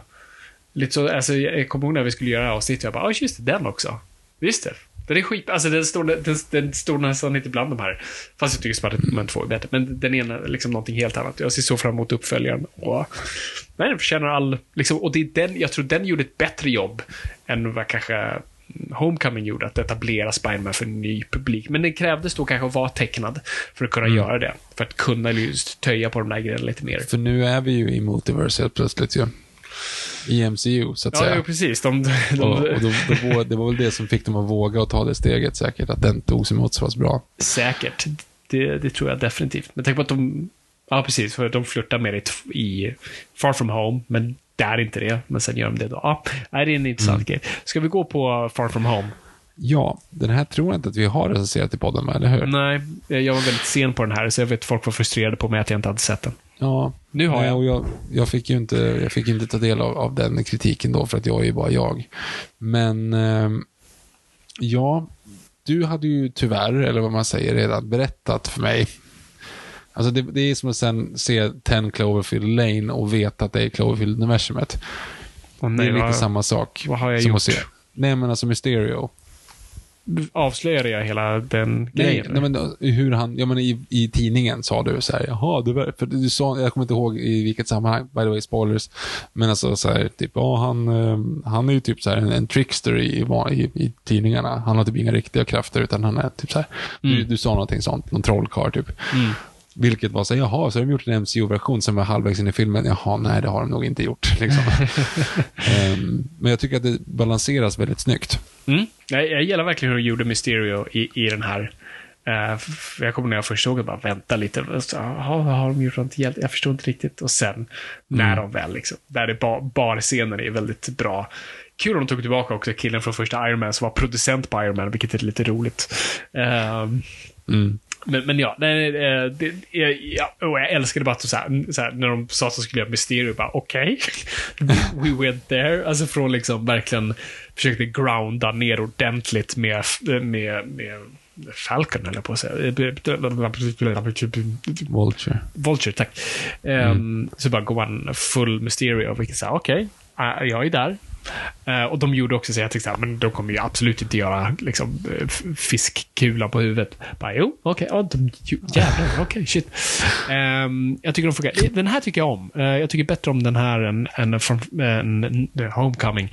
Ehm, Jag tycker just dualitetaspekten. Pengargrejen är fortfarande ett problem, men här verkligen, alltså, hur de verkligen trycker på hur hårt det är att vara Spiderman och vad han offrar för det. Inte på så här globalt perspektiv, utan bara så här att vara med i gänget och få tjejen och liksom att, att saker han prioriterar i sitt liv. Och, och det, det formulerar de väldigt bra att, att Samuel. Jackson får vara den andra, alltså Nick Fury får vara den andra sidan om det.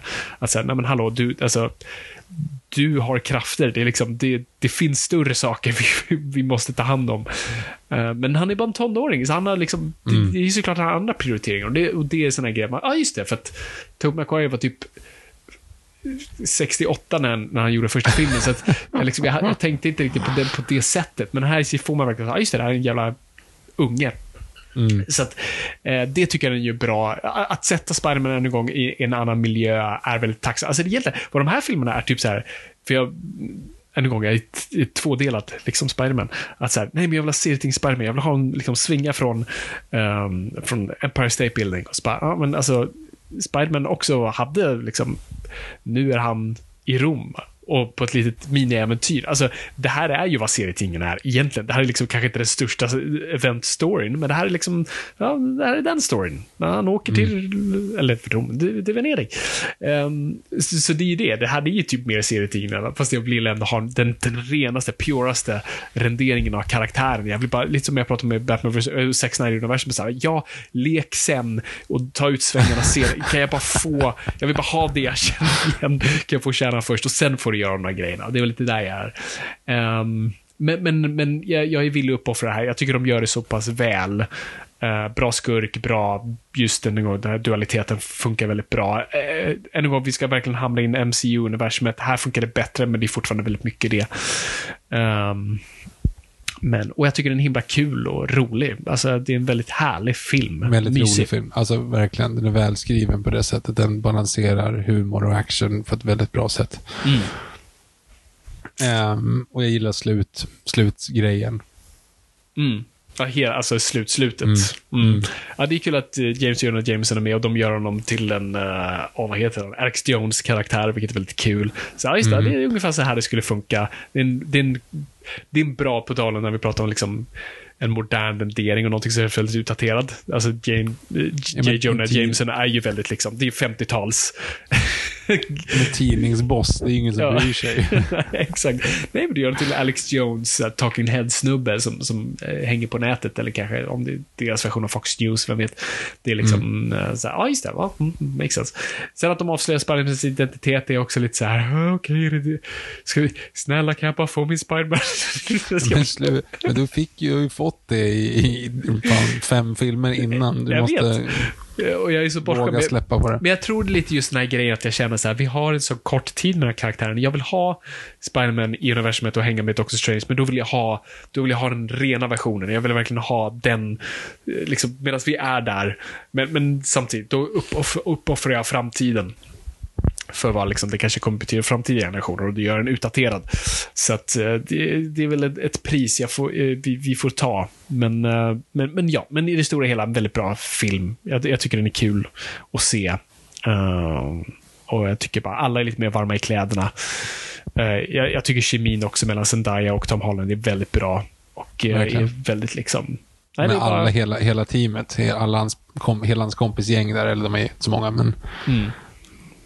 Gillar konceptet. Ja, ja men att- eh, det har de nog lyckats bäst av någon film, alltså att bygga ett rikt en ensemble runt Peter Parker.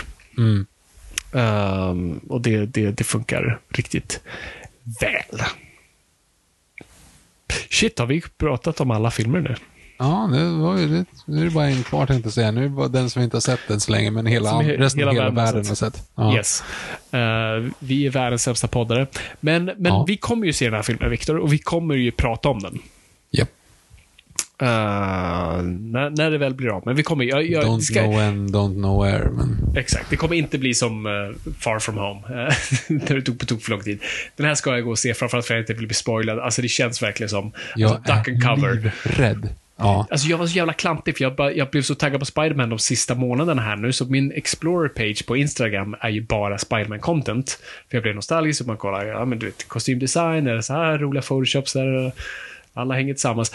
Eh, och sen typ så här, två dagar innan premiären så bara, uh oh fuck. Det är liksom, Instagram logaritmer. Mina logaritmer. så jag bara suttit på min Explorer och bara tryckt på massa annat. Okej, vi går på James Bond nu.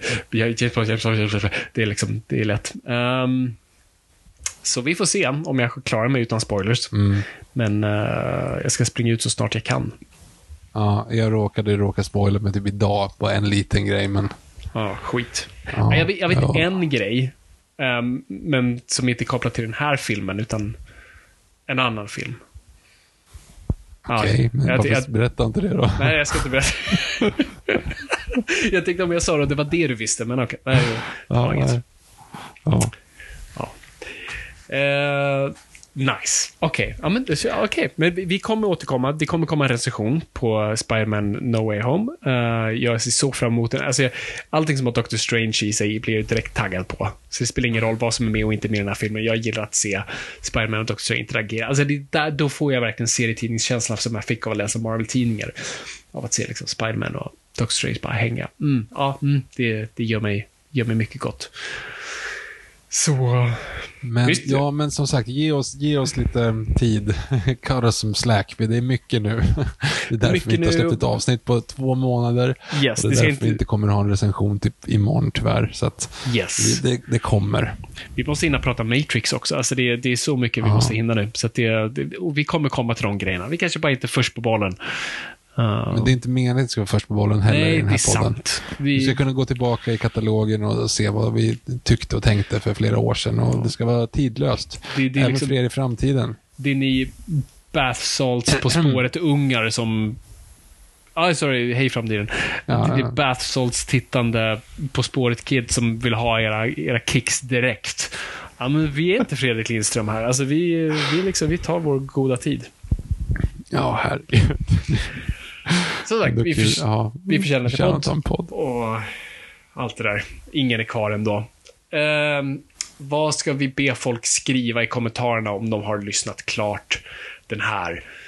Ehm, Inte värt att lyssna hela det här avsnittet. Det blir meta. ska vi ha det? Nej, inte värt det. Kanske bara det. Inte värt det. Ja, Inte precis. värt det. Ja. Jag gillar förolämpningarna. Det är, liksom att folk ska kunna gå in på vår sida. Ja, men jag vill se vad folk, vad folk skriver och det är bara alltid liksom unisont. Inte värt det. Eh, är ni kvar, gör det. Skriv det. Det Ehm, gäller ju bara att vi inleder vår post också med nu är ett nytt avsnitt, lyssna på vårt avsnitt om Spiderman. Det var inte värt, inte värt, inte värt. Åh, herre Jesus. Ja, ja. Och god jul på er alla förresten. Ja, just det. Vi Där lägger är inte och få ut någonting. Ni kan lyssna på vårt julavsnitt igen. Det är så när vi, när vi 40% är när vi citerar Tomten är far till alla barnen. Och resterande 60 är Sunes jul, typ. Ja, jättebra content. Det här är guld. Ja. Som sagt, Ja. vi, with great power comes great responsibility och vi har uppenbart inte följt Uncle Bens råd när det kommer till det här. inte speciellt mycket great power heller, ska vi, om vi ska vara ärliga. Sant. Ingen power, ingen responsibility. Så faktiskt Ja. vi, är- vi är väldigt i synk med det begreppet. Mhm. Ja, Okej, Viktor. Jag tycker vi bommar igen det här. det gör vi. Tack så jättemycket för att ni har lyssnat. Det är kul att vara lyssnad. Men kom ihåg gott folk, ingenting är för nördigt.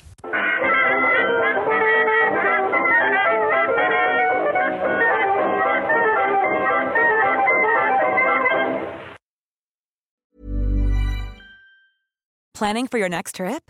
Elevate your travel style with Quince. Quince has all the jet setting essentials you'll want for your next getaway, like European linen, premium luggage options, buttery soft Italian leather bags, and so much more. And is all priced at 50 to 80% less than similar brands.